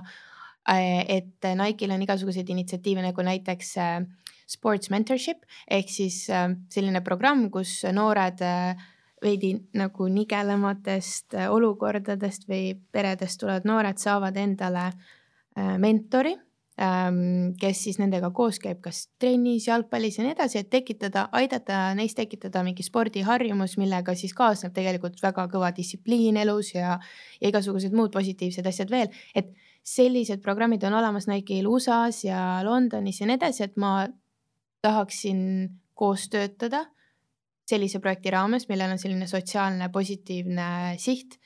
et see on kindlasti üks asi, mis üldse nagu mu elus, ma mõtlen, et noh, mida edasi, siis ma, mida rohkem ma töötan, ma tahaksin kuidagi enda oskuseid ära kasutada millegi jaoks, mis annab sotsiaalselt tagasi. et mul oleks mingi see kõrgem missioon ka sa mainisid korra, et sport annab nii-öelda elus distsipliini. kas sa arvad, et sport on hädavajalik igaühe elus? ja äh, täiesti sada protsenti kindlalt äh, võin seda väita äh, teaduslike uurimustööde tulemusel. ja see on, see on väga loogiline igatpidi, et ma isegi ei noh, üllatan, kui nagu keegi peaks küsitlema seda selle üle, et äh, Nike'is meil on äh, selline ütlus või nagu moto või missioon, et äh, et sports uh, makes better people ja better people make a better world. et see on nagu see missioon, mille najal Nike edasi läheb või et miks peaksid rohkem inimesed sportima, sest et uh, sportlikud inimesed on paremad inimesed ja see on. kuidas no, nad paremad on? Esiteks nagu mentaalne tervis sportimist on vaja, ma arvan, et iga psühhiaater, kelle juurde stressis patsient läheb, siis esimene küsimus on see, et kas sa liigutad ennast mm,? sportimine jah, et äh, seoses mentaalse tervisega, siis äh, seoses distsipliiniga äh,. ka äh, näiteks võistlustel osalemine minu arust on väga positiivne, sellepärast et elu on competitive, elu lihtsalt, kuidas loodus välja näeb ja, ja arenenud on, see kõik on about competition oota, aga me peame ju kõigile lastele andma esimese koha ja esimese medali ja me ei saa ja. ju panna neid pjedestaalile, issand, vaesed lapsed. mina ei ole nõus sellega ja, ja, ja see on jälle selline, et äh, seal ei ole sellist ühte kindlat õiget vastust, et jah, ma tõesti ei ole nõus selle, ka sellega, et viieaastasel lapsel peaks olema mingi eratreener ja toitumisnõustaja, et temast saaks nagu kunagi parim, parim sportlane. et see läheb ühes mõttes üle piiri, aga teises mõttes selline loomulik konkurents ja võistlus on väga vajalik sulle mentaalselt, et üldse elus hakkama saada. et äh, jah kahjuks ei ole väga hea kergejõustikus, so what, sa oled parem teises asjas, et sellesse peab mõistlikult suhtuma üleüldse inimesed lihtsalt võiksid mõistlikumad olla, see on nagu. Need äärmused kipuvad jah kuidagi tulema väga kui me räägime, rääkisime just äh, mõistlikkusest, siis mulle tundub, et äh, inimesed justkui tahaksid olla mõistlikumad ka seoses äh, sellega, mis meil maailmas toimub. et hästi palju räägitakse jätkusuutlikkusest ja sellest, et kuidas äh, planeeti hoida.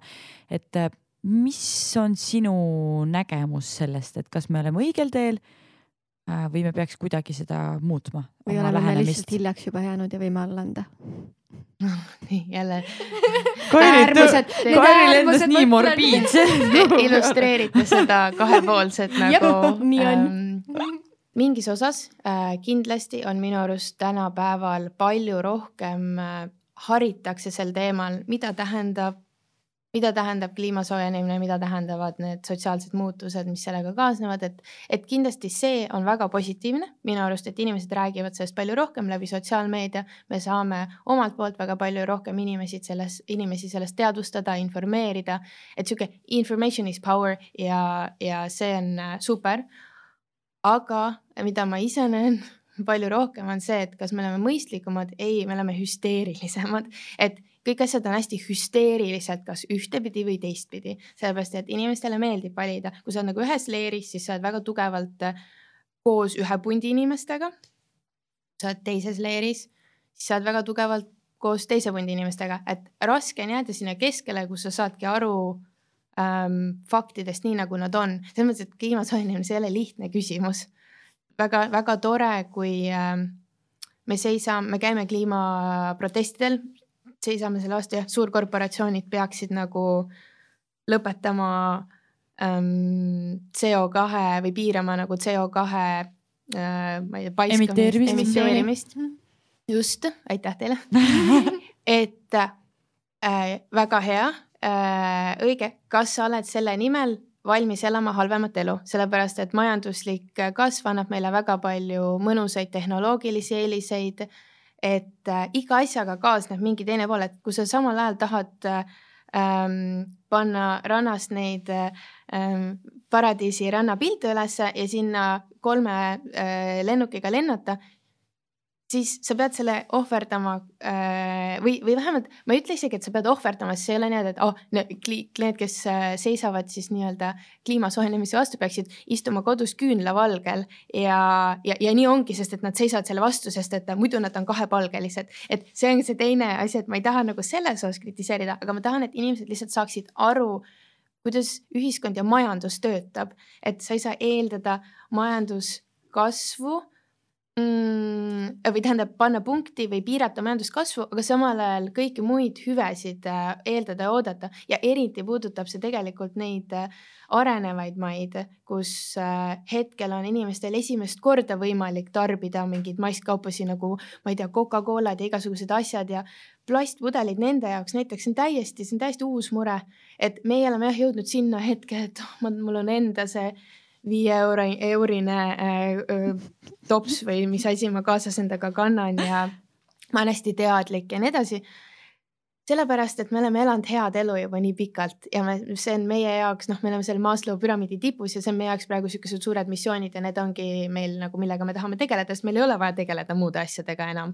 sa võid igaks juhuks kuulajatele, kes ei ole psühholoogia kuulutatud, Maslow püramiid et Maslow püramiidi need kõik need erinevad tasemed jah um,. no põhimõtteliselt no, kui ma räägin nagu seal tipus olemist, siis see tähendab, see on sihuke self actualization, et siis sa nagu mõtled sellele, et mis sinu missioon selles elus on ja. et sul on põhimõtteliselt maja olemas, söök olemas, turvatunne olemas on ju ja siis nüüd me hakkame jõudma siis. jah, sul on olemas Instagram ka et, et siis sa hakkad mõtlema nagu ja siis sa hakkad ka tegelikult mõnikord probleeme välja mõtlema. Et enne seda sul ei ole mõtet probleeme välja mõelda, sest sul on, on päris probleemid. Neid on liiga palju ja et lihtsalt minu call out olekski võib-olla maailmale see, et äh, sellistes küsimustes võimalikult palju proovida informatsiooni tarbida mõlemalt poolelt, et näiteks äh, ma ise olen ka alles viimasel ajal hakanud seda teadlikult tegema, et näiteks seoses USA poliitikaga loomulikult ma kaldun nagu demokraatide poolele ja ei ole pro-Trump, aga ma käin mõnikord äh, meelega lugemas Fox Newsi, et aru saada millest räägib teine pool, miks nad nii räägivad, kuidas nad asju kajastavad, kuidas samal ajal kajastab teine pool, sest et äh, me oleme hästi polariseerunud ja väga vähe on seda nii-öelda overlap'i ja sellest on palju räägitud ka, et noh, Facebookid ja kõiksugused algoritmid kujundavad sinu uudisevoo ainult sinu jaoks, sinu niimoodi, et sa kogu aeg, iga päev saad aru, kinnitad endale, et sul on õigus, sest et sa näed jälle, keegi sõber ütleb ka täpselt sama ja see on täpselt õige ja sa ei näe seda teist poolt mitte kunagi, et natuke meelega tutvustada endale seda teist poolt ja üritada mõelda ja samamoodi noh, kliima, kliima soojenemise osas, et ähm, olla lihtsalt natukene teadlikum ja mõistlikum selles osas, et äh, miks mingid asjad kuidagi toimivad ning mis on asjad, mida sa päriselt ise teha saad ja igaüks meist saab midagi paremini teha, see on fakt. aga mida me saaksime näiteks, toome paar näidet, mis sa äkki oma elus oled teinud, et mis on parem? Tahtsin mingit nalja teha praegu siin, et ei viska, ei viska enam plastpudeleid akna, autoaknast välja. ei viskagi aga... aga plasttopsi, kohvitopsi ikka viskad ju välja või mis jätad autosse selle või? ei, disgusting, muidugi viskan välja um....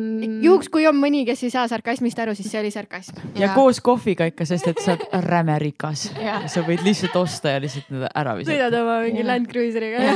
Dubai, hashtag Dubai, et plastiku tarbimine kindlasti on minu jaoks üks selliseid asju, mis läbi selle äh,, ma arvan, tugevasti läbi sotsiaalmeedia on äh, minu jaoks äh, väga efektiivselt negatiivselt brändatud, et see on lihtsalt materjal, kui ma mõtlen nagu mingid aastad tagasi, võib-olla mingi kümme aastat tagasi, ta oli lihtsalt üks materjal, milles enamus asjad on, lihtsalt nii on ja neid müüakse seal sellepärast, et ta on nagu odav materjal ja, ja lihtne, lihtsam toota ja, ja this is how it is. et äh, läbi sellise tead-, nagu äh, teadvustamise on suudetud rebrändata, see on minu nagu turundusinimesele nagu huvitav mingi materjal nii negatiivseks, et äh, mul on siin üks plastikpudel praegu laua peal ja ma vaatan seda ja ma tunnen ennast natukene halvasti, et see on sellest tehtud ja ma tegelikult äh, valiksin teise variandi, kui ma poes oleksin, kui näiteks äh, mis see on, Borjomi äh, konkurentbränd pakuks teises või kasvõi selles biodegradable plastikus pudeleid, siis ma valiksin teise, et see on minu jaoks väga efektiivselt toiminud teadvustustöö ja, ja ma olen ise seda, kus vähegi võimalik muutnud et äh, kindlasti ma saaksin ka rohkem teha. aga jah, et see on niisugune vaikne areng ja samamoodi toitumise osas noh, näiteks liha ma ei söö enam nagu selle aasta vist maikuust saati äh, loomaliha ja, ja. kas see on keskkonnapõhjustel või mingitel muudel põhjustel? see algas egoistlikel põhjustel nee.. et see on jällegi ja, et ma ei ole nagu sihuke suur maailmapäästja, ei ürita seda silti endale külge panna ka, et, et, et tegelikult see algas jah, sellisest isiklikust nagu enesetundest ja tervisest ja siis aga kui sa selle otsuse oled juba ära teinud, siis sa kuidagi tunned ka, et noh, ma tean, mis mõju on ähm, loomade kasvatamisel keskkonnale ja, ja ma olen äh,, hiljuti vaatasin ühte dokumentaali Netflixist ka, mis on Game Changers, hästi soovitanud olen kõigile. et äh, see nüüd näitab ka muidugi jah, jälle seda ühte poolt, et miks just veganlus on väga äh, hea, ta ei ole tegelikult minu arust nii isegi ühes ääres dokumentaal, et ta tegelikult väga huvitavat lihtsalt teaduslikku research'i näitab. et ma, Kari, ma usun, et sa oled näinud seda, eks ole, et sa ise ütled ka, et ta ei ole väga nagu ta ei, minu jaoks vähemalt ei propageeri nagu nii hullult veganlust, aga samal ajal. see on üks äh, nii-öelda dokumentaal, mille kohta veganid ise ütlevad, et oh seda ma võin näidata oma sõpradele, sest see ei ole nagu nii äärmuslik, nii drastiline, ta räägib lihtsalt maailma asjadest ja väga intelligentselt. Ja, ja meelelahutuslikult. see on nagu Harvardi researcher'i igasugused inimesed, kellega nad intervjuusid on teinud, on väga ähm, kredibiilsed ja seda on väga huvitav vaadata, isegi kui sa sööd liha ja sööd edasi, siis vähemalt ma arvan, et sa saad sealt mingit head ähm,. targemaks saad nii, et naa. targemaks et äh, jah, mul oli oma vennaga sellest lihtsalt üks hiljuti just äh, üks vestlus ja tema jällegi ütles, et jah, et nagu et see research'i sa saad alati hästi selektiivselt Nii tuua on. mängu ja see on elu. Ei tuleks huvitav dokumentaal, kus oleks üks research ja meil on ka teine research, mis on täpselt vastupidine ja me toome alati kõik välja ja meie äh, dokumentaalil ei olegi kandvat sõnumit. Äh, meie dokumentaali sõnum on see, et nobody knows ja, ja nii ongi. Where's good? ja et see, see nagu ei lendaks väga, et, äh, et jah, et on ka teistpidi research'e näiteks noh, seda olekski väga huvitav lugeda mul nüüd, et ma tegelikult pärast, kohe pärast seda vaatamist kuulasin Youtube'is, mis on kriitika selle vastu. palun olnud. ära ütle Joe Roganit, siis ma lihtsalt nagu hüppan aknast välja ei, ma lihtsalt mingi, mingi spordi äh, dieto, mis selle nimi on, kui sa spordidieete koostad nagu? toitumisnõustaja või? toitumisnõustaja, jah. toitumisnõustaja, kes siis kommenteeris seda omalt poolt, et aga see ei olnudki nii nagu negatiivselt, nii, et jah, et me peaksime rohkem taimseid äh, toite sööma, see on igati positiivne meile, aga et lihas on või nagu a la kalalihas on mingi oomega kolm ja nii edasi ja nii edasi, et on mingid ained, mida me ei saa taimedest ja see oli rohkem selline lihtsalt jah, keskmine. ega lõppkokkuvõttes ei olegi see, et sa peaksid liha söömise täiesti lõpetama. tegelikult meil ühiskonnas on olukord, kus on turundatud lihatööstuse poolt nii hästi, et me tegelikult üle tarbime mm, -hmm. et ähm, jällegi, me ei ole, me ei ole mõistlikud, me üle tarbime ja see on selles mõttes, et nagu Eestis on see isegi, ma arvan, normaalsem, aga noh USA-s see KFC ja. oota ja..., kas sa nägid seda järjekorda, mis Eesti avatud KFC järjes oli?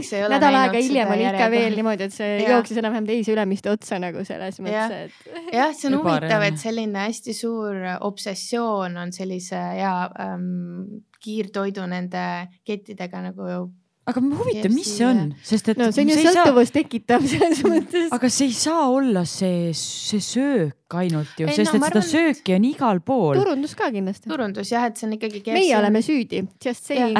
KFC on nagu meie ei turunda KFC-d jah, et KFC on, ma arvan, päris hästi turundanud ennast ja, ja ja sellepärast äh,, I guess, et mhm. Eestis on ikka veel natuke see tendents, tendents ka minu arust, et kui mingi välismaine kett siia tuleb, siis on see vau wow,, ilutulestikud ja, ja. et ma olen seda filmist näinud ja nüüd ma tahan käia seda. jah, I guess, et noh, mind see väga üldse ei kõneta ja ma nagu mulle KFC ei ole kunagi meeldinud, vist ühe korra olen söönud ja minu arust see oli vastik, aga mul on jällegi naturaalselt maitsevad äh, tervislikud asjad ja salatid ja asjad. sa oled see üks õnnelik inimene, aga ja. mis sa üldse arvad sellest, et noh seal järjekorras oli väga palju Eesti noori, kes -hmm. tarbivad siis mm -hmm. ämbrite viisi -hmm. rasvast kana. ülekaalulisus mm -hmm. noorte hulgas. see on väga suur teema? probleem, see on väga, see, ma käisin eelmisel aastal äh, seal äh, Eesti spordi. Foorumil? ei, see oli üle-eelmisel aastal. Ähm, kongress. kongress, vabandust. Eesti spordikongressil ja seal oli selline statistika, mida ma siin hästi mäletan. iga neljas Eesti kooli minev laps on ülekaaluline tundub nagu me ei räägiks Eestist on ju -hmm. Eestist, et, et see, see, see nagu statistika tundub noh, et see oleks kusagilt ja hetkel ma elan riigis, kus on kõige kõrgem rasvumus maailmast nagu protsentuaalselt, no selles mõttes on kõrgem kui USA-s isegi.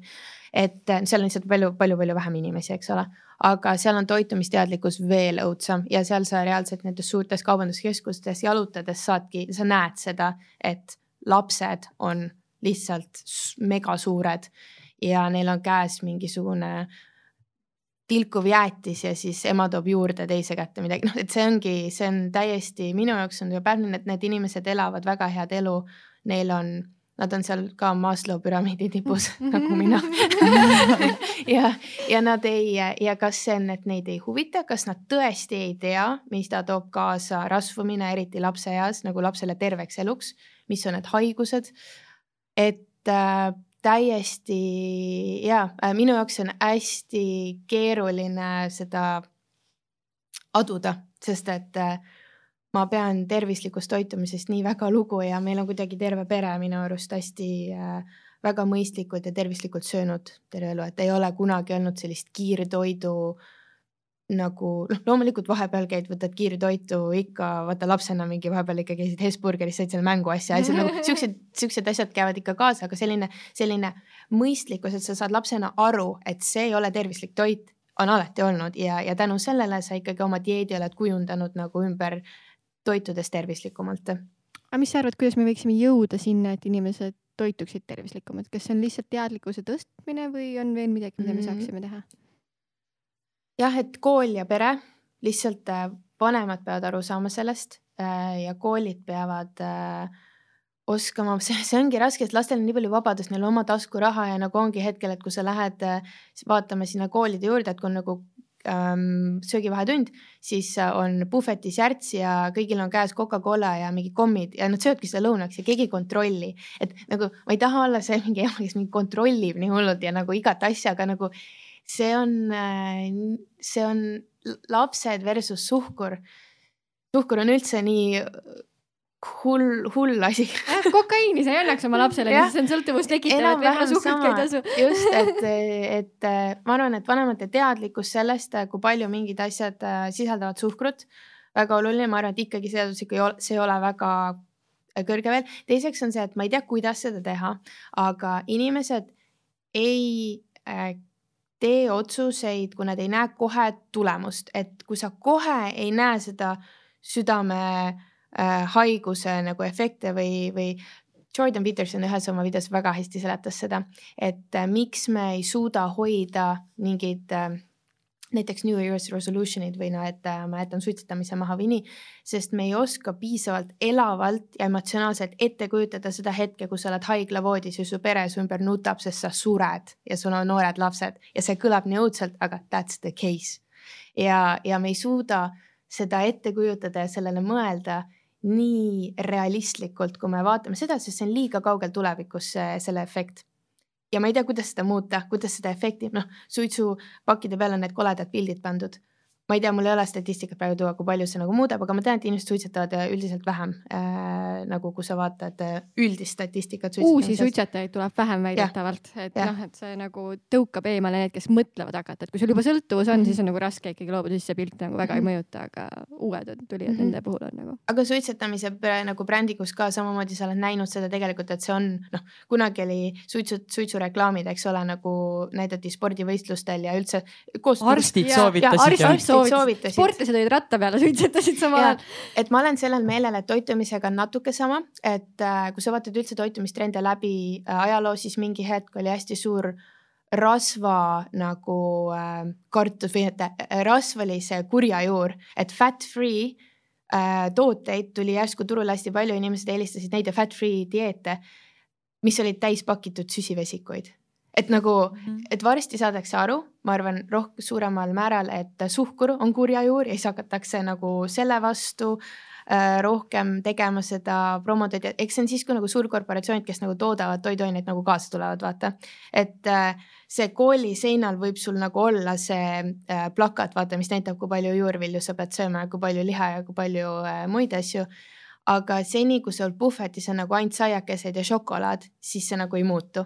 et, et ja samamoodi kõikide nende nagu plastiku kasutamisega ka näiteks, et nii kaua, kui mul ei ole võimalik alternatiivi tellida, mis ei tule plastikus, näiteks see, see toit sulle koju nii kaua on mul hästi raske muuta seda enda käitumisharjumust, sellepärast et ah, mul on kiire elustiil, mul ei ole võimalik kodus kokata asju kaasa ja ma ei ole võimalik või ma ei ole veel tahteline ohverdama seda aega näiteks selle looduse nimel ja et planeet säiliks, on ju.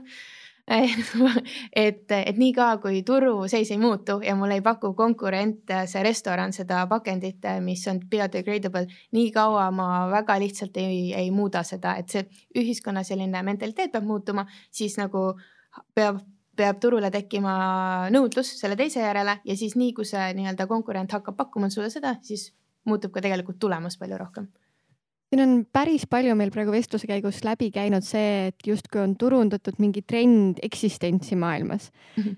kas sa tunnetad turundajana seda vastutust, et tegelikult sul on võimekus väga palju maailmas muuta ja kas sa oled võtnud seda arvesse oma tööd tehes, et äh, sa mõtled nagu, et inimesed rohkem lahedamaid tosse kannaksid no see on üks asi onju, aga samas ongi, sa turundad tänasel hetkel on ju seda, et tossud on hästi lahedad ja neid võiks endale osta koju onju, aga see taaskord nagu soodustab ületarbimist, et mm, -hmm. et kas sinna kõrvale kuidagi noh, Nike on tegelikult selles mõttes hea, et ta pakub ka alternatiivi, et sa saad turundada ka seda tõepoolest, et noored teeksid rohkem sporti ja nii edasi, nii edasi, nii edasi mm. -hmm. aga kas sa tunnetad seda, et meil turundajatel on nagu vastutus, et kui ja. ma tuleksin praegu nagu lihatööstuse ettevõttena mm -hmm. ütleksin, tule palun meile turundajaks mm, -hmm. kas sa läheksid? ei, ei, ei läheks, et ma tegelikult, mul mingid nagu moraalid elus on Wow, that's a shocker et äh, ma, ma ei, ma olen sellele mõelnud, näiteks ma kunagi fantaseerisin, et kui palju mulle nagu, mis palgapakkumine mulle võiks tulla kusagilt äh,. Adidaselt äh,. alkoholipood ei, ei mitte Adidaselt otseselt, et see on nagu sama sektor, et sport on mulle hingelähedane teema ähm,. aga jah, et mingisuguselt, ma ütlen nüüd lihakombinaadilt, aga näiteks äh, jah, mingisugune toitumisega seotud bränd, mis jah, KFC ma ei tahaks, ma ei tahaks seda teha ja ma ei suudaks seda teha, sellepärast et see absoluutselt ei käi kokku sellega, kes ma olen, millesse ma usun. ja ma olen piisavalt emotsionaalne inimene ja piisavalt mitte maha, rahast motiveeritud inimene nagu päeva lõpus, et äh, ma ei võtaks seda vastu. et ma tahan töötada sellises brändis, millega minu ja selle brändi missioon nagu ühtib ja Nike'i puhul see väga suuresti ühtib, mis puudutab sporti. jah, ma tunnen seda, et me lihtsalt samal ajal ka tekitame nõudlust ja tarbime üle nagu, mis toob puudutab nagu tossude kõiki neid uusi. palju sul neid tosse kodus on Uh, ma ei tea, vaata mul osad asjad on siin kastides ja, ja need ma olen enda peas juba maha kirjutanud, kuigi ma emale ütlen alati, et ma mäletan täpselt, mis ma Eestis siia pakkisin, sellepärast et ta alati küsitleb seda, kui palju mul asju vaja on. et, et aga ma olen rohkem sellele mõelnud kindlasti ja kindlasti ma olen vähem tegelikult soetanud endale tosse juurde ja ja ma, see tuleb, see jõuab minuni ka niimoodi nagu vaikselt vaata, samal ajal minu jaoks ongi see, et ma olen, ma olen teadlik ja ma tahan olla hea inimene ja ma turundajana kindlasti tunnen vastutust ja üleüldse ma arvan, et me inimestena peaksime vastutust tundma.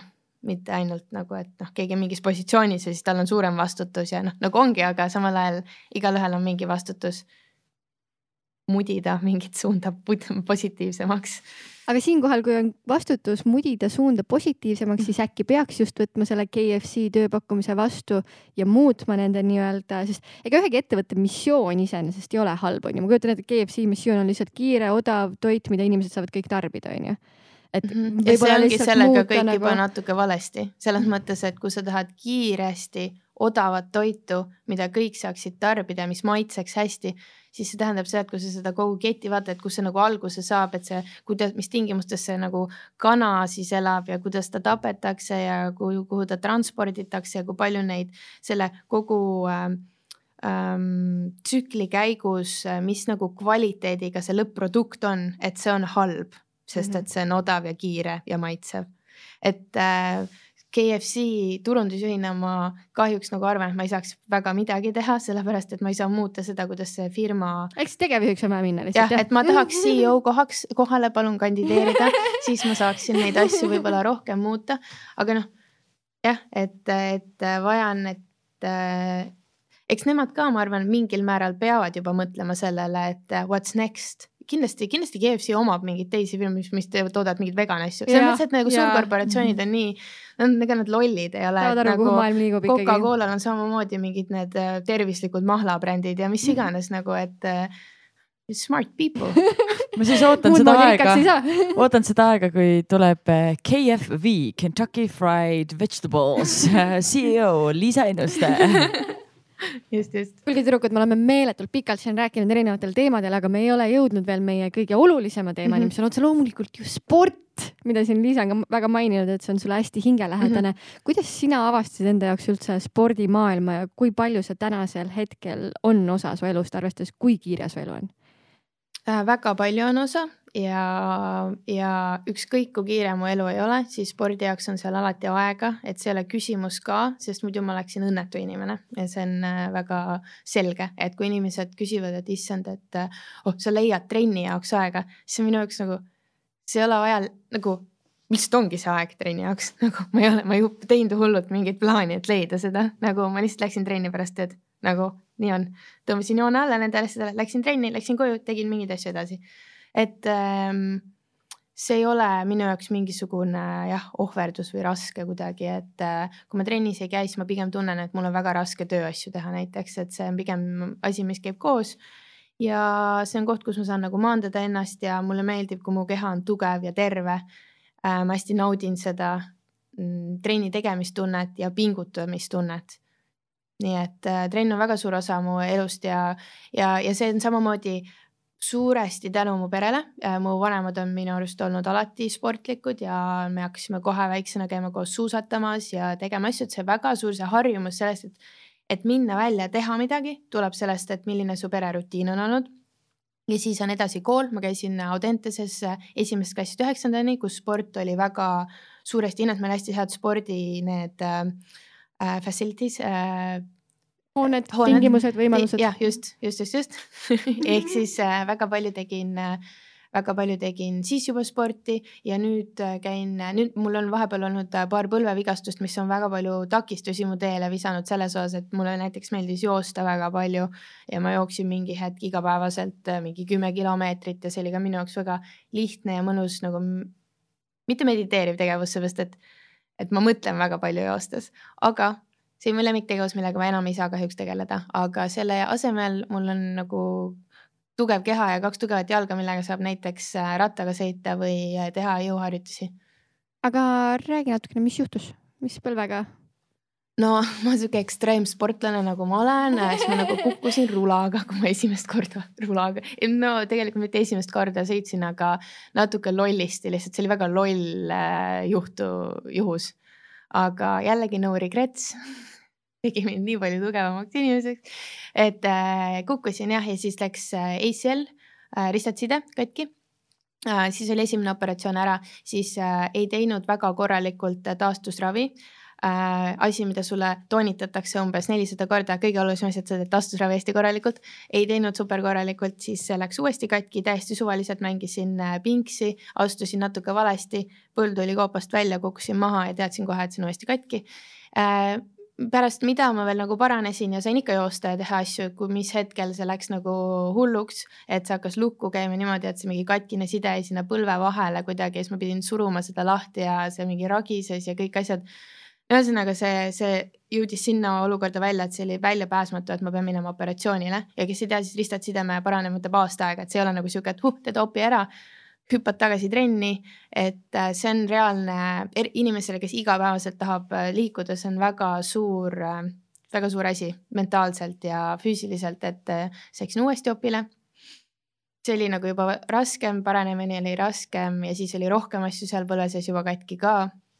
Ja siis nüüd on sellest aasta olen taastusravi teinud normaalsemalt, olen käinud äh, trennis, äh, jõutrennis siis rohkem, et äh, lihased oleksid tugevamad ja hoiaksid seda põlve rohkem. ja olen, aga tunnen, et noh, see põlv, see ei ole terve selles mõttes, et ma tunnen seda igal sammul, et see on see opereeritud põlv ja, ja aga mu missiooniks on ikkagi see saada nii terveks kui võimalik. et ma uurin veel, mis siin võimalik on, et näiteks Eestis on väga-väga hea ähm, ortopeed ja nii-öelda tase. võimekus. võimekus mhm. just jah, et äh, väga head arstid, keda ma usaldan ja kindlasti seal annab midagi veel teha, et äh, no limits kuidas äh, sa ütlesid praegu, et aasta aega põhimõtteliselt sa ei saanud trenni teha ja, ja kuidas see su mõistusele mõjus, kuidas sa mentaalselt sellega hakkama said, et sa ei saanud enam lihtsalt ja. liikuda ähm,? noh, selles mõttes aasta, et sa saad trenni teha, aga alguses ju mitu kuud sa teed neid põlveharjutusi, et ma ei tea, kes neid skeeme on näinud, siis noh, ütleme nii, et see on nii, et sa istud maha ja siis sa tõstad oma jala kaks sentimeetrit õhku ja niimoodi kolmkümmend korda, siis puhkad ja siis veel kolmkümmend korda, et minu jaoks, kes tahab mingi high intensity, mingi Katrin Adeno äh, karjub sulle kõrva ja siis sa, siis sa loobid mingisuguseid raskeid palle, et nagu sihukest tüüpi trenni teha, siis see on nagu väga piirav. aga eh, ma võtsin seda viimast korda sihukese missioonina.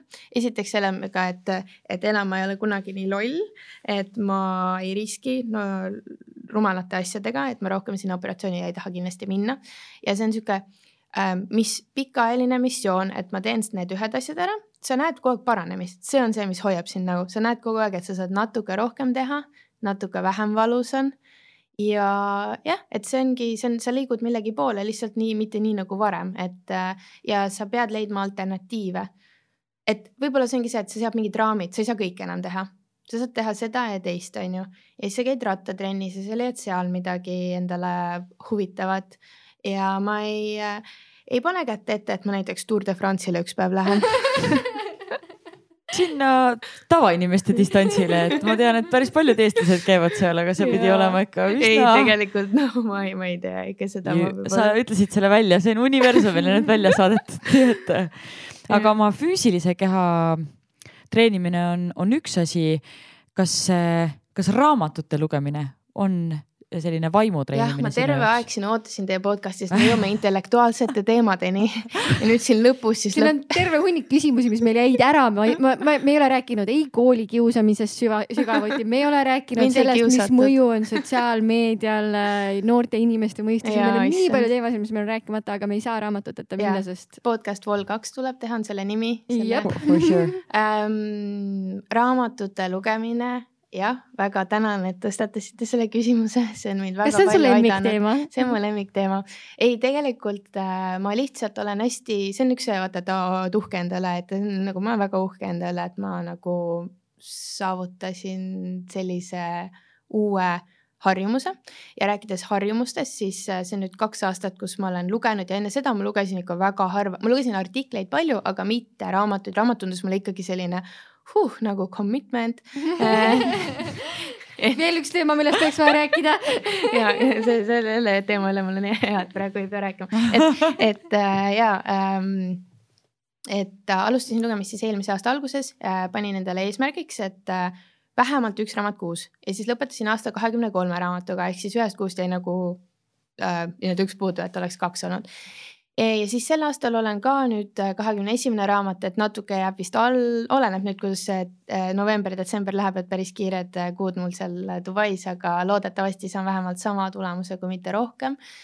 mitte, et see nagu tulemussport oleks, aga nagu ma olen competitive selles osas, et äh, kui ma isegi nagu loen, siis ma mõnikord vaatan, et äh, minu target on nüüd lugeda viiskümmend lehte ja siis ma võin telefoni vaadata. et nagu ma teen selliseid asju oma peas, et see on nagu see, kuidas ma toimin kuidagi. aga lugemine on äh,, soovitan kõigile et, et hästi-hästi äh,, hea meel, et ma võtsin selle, see oli ka inspireeritud tegelikult mu perekonnast, et mu vend loeb hästi palju ja mu ema loeb palju ja isa loeb. me kõik eelmise aasta lõpus tegime sellise väikse round table'i, et palju keegi lugenud on ja tegelikult see oli umbes niiviisi, et noh, mina olin kõige vähem, kakskümmend kolm raamatut oli kõige vähem. Kõige rohkem oli umbes mingi kuuekümne paiku või midagi sellist.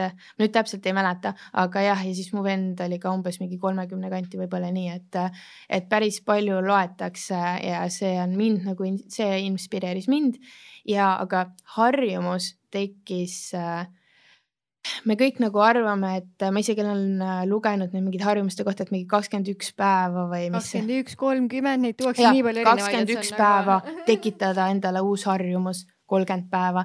see ei ole üldse tegelikult nii lihtne, et oleneb, mis harjumust sa tekitad, et võib-olla see, et äh, juua päevas äh, kaks liitrit vett harjumus, võib-olla on lihtsam tekitada kahekümne ühe päevaga, on ju. et see ei nõua sult eriti palju tegelikult.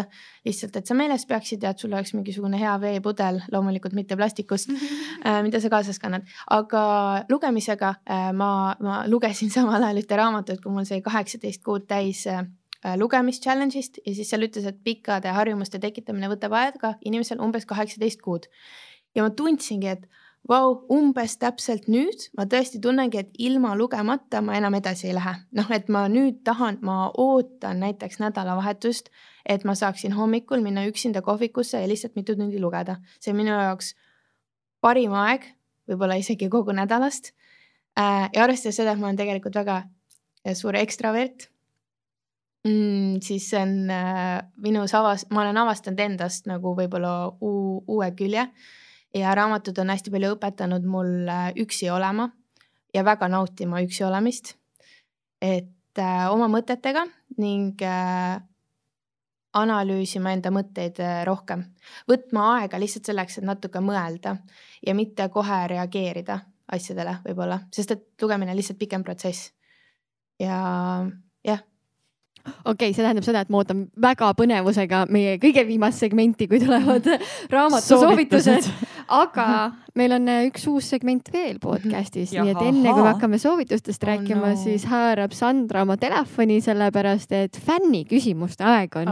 ja see on alati niisugune müstiline olukord, sest meil pole õrna aimugi, mida seal võidakse küsida aga. te alati niimoodi vaatate kohe laivis või, et mis on küsitud ja Jep. et ei no vali? mina vaatan äh, enne ära, et mis küsimusi enam-vähem küsitakse, et mingit aga ma, me kunagi ei otsusta, et mida. Sest viimasel hetkel võib tulla midagi väga-väga-väga head, ehk siis me proovime väga kaks, vürtsikaid küsimusi kaks-kolm küsimust küsida kas me võtame tiibimad või ma võtan äh, lihtsamad? tiibid, ikka Tiibid., muidugi. ühe lihtsa võid võtta, kaks tiipi, palun. Nagu oleks okei, ma alustan, ma alustan lihtsaga siis. Why so Nike? Kusjuures see on küsimus, mida ma tahtsin ise ka küsida, sellepärast et kas sa olid Nike'i usku enne või lihtsalt see bränd tegi su Nike'i ei, usku? bränd tegi kindlasti mu rohkem Nike'i usku, et ma olin äh, selles äh, valdkonna, selle valdkonna usku küll, et mulle hästi äh, noh, sport ja streetwear mõlemad äh, olid hingelähedased ja mulle meeldis see valdkond, nii et sealt sai alguse. aga nagu ma võib-olla täna olen siin maininud ka, et ma olen hästi äh, emotsionaalne inimene ja lojaalne, et kui ma brändi jaoks töötan, siis ma hästi sajaprotsendiliselt esindan seda brändi, ma usun sellesse missiooni ja ma tunnen ennast väga tugevalt seotud nagu noh, nagu ma ei tea, kui keegi on ah, you are like married to Nike, et see nagu natuke ongi nii, et äh, jah, õnneks või kahjuks. Mhm. järgmine. see läks kuidagi nii lihtsasti praegu. Sa nagu oleks mõelnud selle kas peale see oli varem see. lihtne, see äh, pinnapealne küsimus? ei, see on väga tiip. tegelikult järgmine on veidike seotud sellesama teemaga, et Mhm. kuidas arenes välja sinu stiil, Mhm. et siis, ja me ei on, rääkinud sellest ka, et sa olid bloger ju, issand, meil on kõik Oh asjad rääkimata. mul on nii hea meel, et need, need. oota, sellel küsimusel on teine pool ka. kuida-, kuidas tunneb, mis on nii-öelda kopp ja mis drop? ma ei tea, mis see tähendab. ma tean, mida see tähendab, aga see on nagu äh, huvitav, et äh, inimesed jah, mult küsivad seda, et äh, mis on siis need it äh, high heat äh, high heat drop'id, ma räägin nii selles Nike'i keeles, aga need, need, see on need ketsid siis, mida tasub soetada, mis siis järelturul on nagu kõrgema väärtusega ja koguda ja nii edasi ma ei kogu mitte ühtegi, ma ei kogu mitte midagi, ma võin saada kõige erilisemad ketsid kuidagi X-pidi kogemata ja siis ma kannan neid ka kohe ja teen mustaks ka, et minu jaoks seda, seda sorti. Rainer Olbri praegu kuulab ja teeb? Mida? lihtsalt.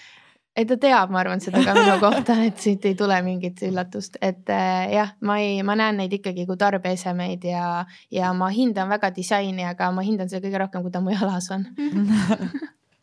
nii, oota, aga kust su stiil välja ikkagi kujunes, see oli ka küsimuse Mm. osa, et sest see on ka asi, kas, kas seda on võimalik nagu õppida, kas ma võin ka nagu stiilseks saada?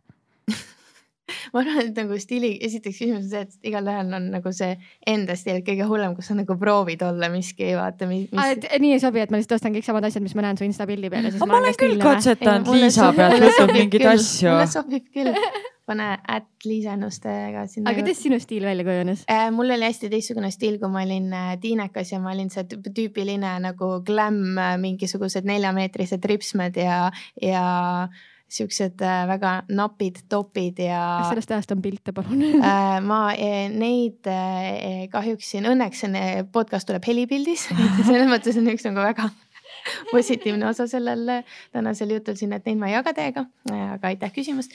et äh, jah, mul oli hästi selline beebe stiil, see muutus pigem Londonis, kus sa pead nagu kohanema mugavusega, pluss sa näed normaalseid inimesi mitte testisin, aga selles mõttes, et ma kuidagi kokkupuutepunkte oli rohkem nagu, kuna ma ikka samal ajal olen ikkagi sihuke kunstihuviline ja olin seal äh, Ida-Londonis nagu alati elasin, siis äh, see muutis seda ning äh, siis edasi on täitsa niimoodi nagu ma ei teagi, mis see minu stiil selles mõttes on, et ma hästi nagu julgelt mingeid asju katsetan ja ja samas mitte nagu üle võlli, et ma olen üsna mugav, ma kannan ainult tosse pigem siukseid mugavaid riideid iga päev.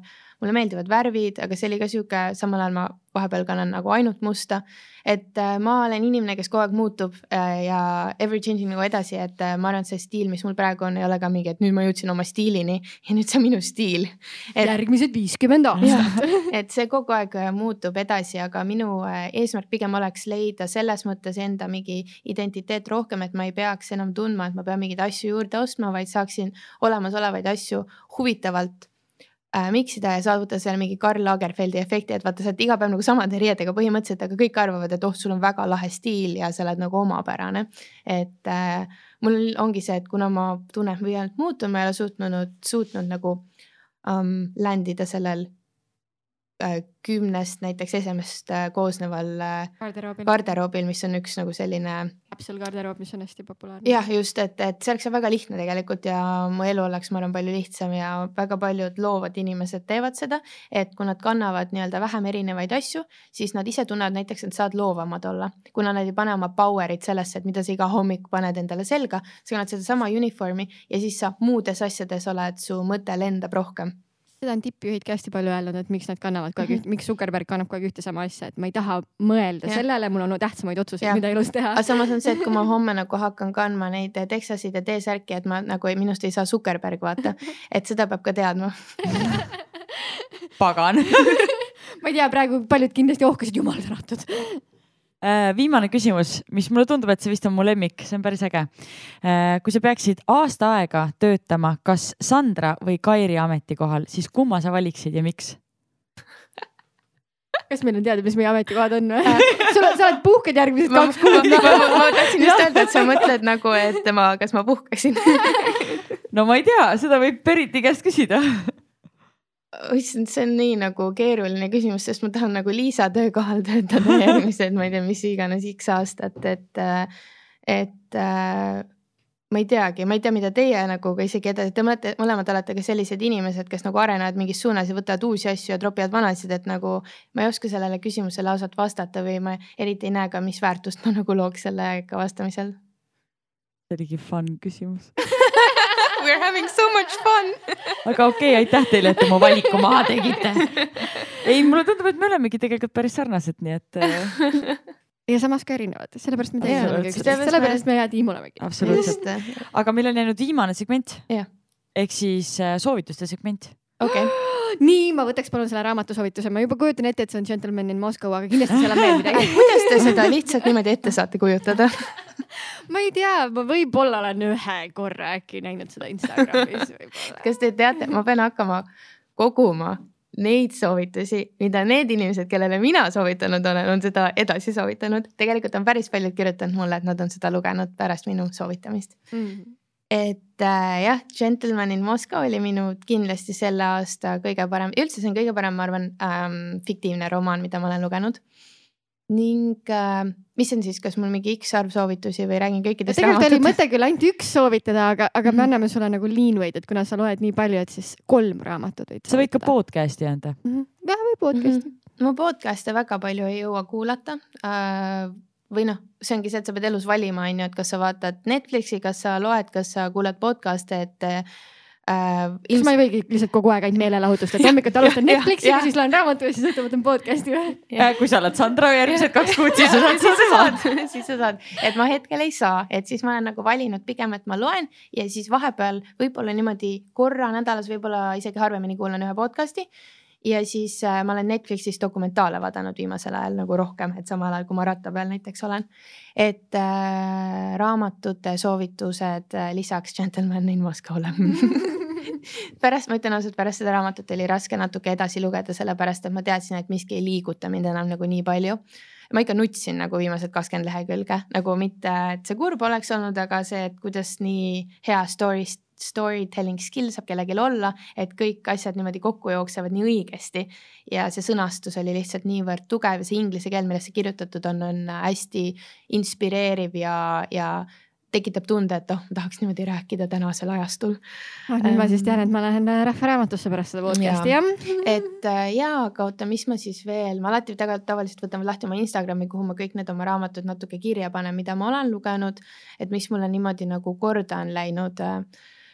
võib-olla, võib-olla on see soovitus, et, et sul on ju olemas see highlights'ide all Instagramis, Instagramis. Minu highlights'ide all äh, on raamatud nii selle aasta kohta kui eelmise aasta kohta. et selles mõttes, mis mul nagu niimoodi kohe torkavad, tulevad meelde, on eelmisest aastast äh, pigem isegi raamatud, et äh, mulle hästi meeldis äh, The Undoing Project. Um,. ma ei hakka siin võib-olla rohkem rääkima sellest sisust, aga mulle pakub huvi ähm, käitumis, mis on behavioral economics, ühesõnaga. jep, mulle jääme pakub selle juurde. minge lugege seda raamatut. valdkond huvi ja, aga see on hästi, see on kahe, kahe majandusteadlase nagu elu põhjal kirjutatud, et see ei ole nii kindlalt ainult sellest ühest teemast. et see oli väga-väga hea raamat äh,, mulle meeldib väga Bulgakov, mulle meeldib Meister ja Margarita kohutavalt, ma võin seda uuesti lugeda. Ma olen seda kaks korda juba lugenud, kõik, kes koolis käivad, on praegu nagu, millest sa aga räägid. koolis ma ei saanudki sellest nii väga hästi aru Mhm. ja ma arvan, et ma eluga muutusin küünilisemaks ja sarkastilisemaks inimeseks ja siis sa hakkad sellest palju rohkem aru saama, et sellepärast soovitan kõigil küünilistel inimestel seda lugeda uuesti. et äh, ja, ja siis ma olen lugenud paari siuksed äh, huvitavad raamatut, mis ei ole mulle nagu nii suurt äh, võib-olla ähm, emotsionaalset märki jätnud, aga mingid ideed, mis ma sealt olen kaasa võtnud, mis on siis näiteks niisugune raamat nagu Essentialism, mis natuke aitab sul töö juures, kui sa töötad samas sarnases valdkonnas, kus on kogu aeg väga palju asju korraga, saada aru väga teadlikult sellest, et kus on sinu kõige suurem contribution, kuhu oma energia panna ja saada aru sellest, et energiat on hästi kindel hulk sul, et kui sa oled nagu sõel, kus sa igalt poolt nagu, sa seda igalt poolt välja lased, siis Äh, sa ei kanna seda vett kuhugile nii-öelda, et sa ei jõua tegelikult enda selle suurema eesmärgini, et see raamat aitas mul natuke kinnistada seda ideed. ja, ja, ja selle nimi oli Essentialism, aga see raamat ongi ühe idee ümber nagu väga palju, et, et see te, teinekord on jah, see on seda tüüpi raamat, et kus on võetud see üks idee ja siis üritatud see raamatuks teha ja mina nagu toona nautisin, aga tihtipeale mul see käib äh, natukene närvidele ka või noh, sa tunned, et noh, nüüd ta räägib nüüd viienda nurga alt sedasama ideed, et ma gotcha bro, ma saan aru okei okay,, ma arvan, et raamatute soovitusi saime me siin nüüd kuhjaga ja kõik asuvad lugema, aga mm, me veedame väga suure osa oma ajast ka sotsiaalmeedias ja ilmselgelt meid mõjutavad asjad, mida me, mille, mis meid ümbritsevad mm. -hmm. mis on mõni Instagrami konto või inimene, keda võiks jälgida, keda sina soovitaksid? See on nii raske küsimus, sest et ma kasutan Instagrami nii töö jaoks kui ka isikliku elu jaoks, et ma hoian kursis ennast ju enda sõprade tegemistega igal pool üle maailma. Ja teiseks siis tööasjus mul on vaja seal olla, et olla rohkem teadlikum trendidest ja mida teevad konkurentbrändid ja kõik, kõik see asi, mis vahepeal ajab mind natuke närvi, sest et jah, seda kõike on liiga palju minu jaoks isegi et jah, ma olen Instagramist isegi mingeid pause teinud viimasel äh, ajal, et see on väga-väga suur äh, harjumus ja väga haiglane harjumus tegelikult. nii vaatamine kui jagamine, pidev jagamine. et äh, aga mida mulle meeldib sealt jälgida, et ma arvan, et ma ei tea, mul tuleb kuidagi esimesena The Economist ette, sellepärast et see lihtsalt on hästi põnev sisu um,. mulle meeldib see uh, väljaanne, ma õpin sealt palju ja see ei tekita minus kuidagi mingit, mingeid negatiivseid emotsioone, et isegi noh, mis on nagu need Instagrami põhiküljed, et äh, oi kui perfektne kellegi elu on, kuidas minu elu ei ole nii perfektne. no ma arvan, et sellest ma olen nagu kaugenenud ka nüüd, et see oli võib-olla mingid aastad tagasi suurema efektiga, et praegu mind nagu väga ei huvita see sa tead, et it is fake. It's fake, it's fake, et äh, ja. ja isegi kui see ei ole fake, siis ja. see lihtsalt ei ole sinu jaoks võib-olla, see, see pole oluline. see lihtsalt ei ole minu elu, et mm -hmm. kui ma tahan enda elu muuta, siis ma teen selleks kindlaid samme. ja ma peakski seda nii võtma, et teinekord keegi positiivselt äh, inspireerib sind enda elu muutma, et siis võta seda nagu positiivselt. et oh ta on väga lahedas kohas reisil, ma väga tahaks sinna minna, mis on need järgmised sammud, mida mina saaks teha, et sinna minna lihtne, et kui ja kui on kättesaamatud asjad, siis võib-olla peab enda jaoks mingid väärtused ümber mõtlema. et jah, seda ühte kontot äh, ma, on, mul on väga raske niimoodi nagu välja, välja tuua tegelikult ei, siit juba tuli tegelikult mm, -hmm. nii et on aeg meie viimaseks küsimuseks. Äh, mis on mõni selline Äh, sinu imelik või positiivne harjumus, mida soovitaksid ka teistele? välja arvatud see alarmkell. jaa, ma juba olen selle, see on väga imelik, kui ma seda kellelegi räägin. aga väga positiivne soov. väga positiivne, ma reaalselt ärkan üles ühe korraga. aga kas on veel mõni? ma olen siin täna hästi palju rääkinud erinevatest harjumustest, ma arvan ühte ja teistpidi, et on see siis äh, ühe korraga hommikul ärkamine või on see trenni, pidev trenniharjumus või, või lugemisharjumus Äh, siis see on ka seotud selle lugemisega, aga võib-olla lihtsalt see ei ole niivõrd veider harjumus, aga harjumus ennast kurssi viia arvamuste ja materjalidega, millega sa ei nõustu. see on äh, väga imelik harjumus, aga väga kasulik harjumus, ma arvan. Liisa suur, suur, suur aitäh sulle, et sa meile podcast'i tulid, taaskord täiesti imeline podcast, ma sain ise nii palju infot, mis on vaja läbi protsessida, mis on oh,, aitäh sulle ma arvan, et ma ütlen ausalt, minu arust see on üks minu lemmik podcast'e. ma ise alles protsessin kõike seda, mida ma ütlesin just ah,. hästi südamest. ja aitäh, kuulajad, et olite jälle meiega ja järgmise podcast'ini. jep, kuulmiseni, tšau.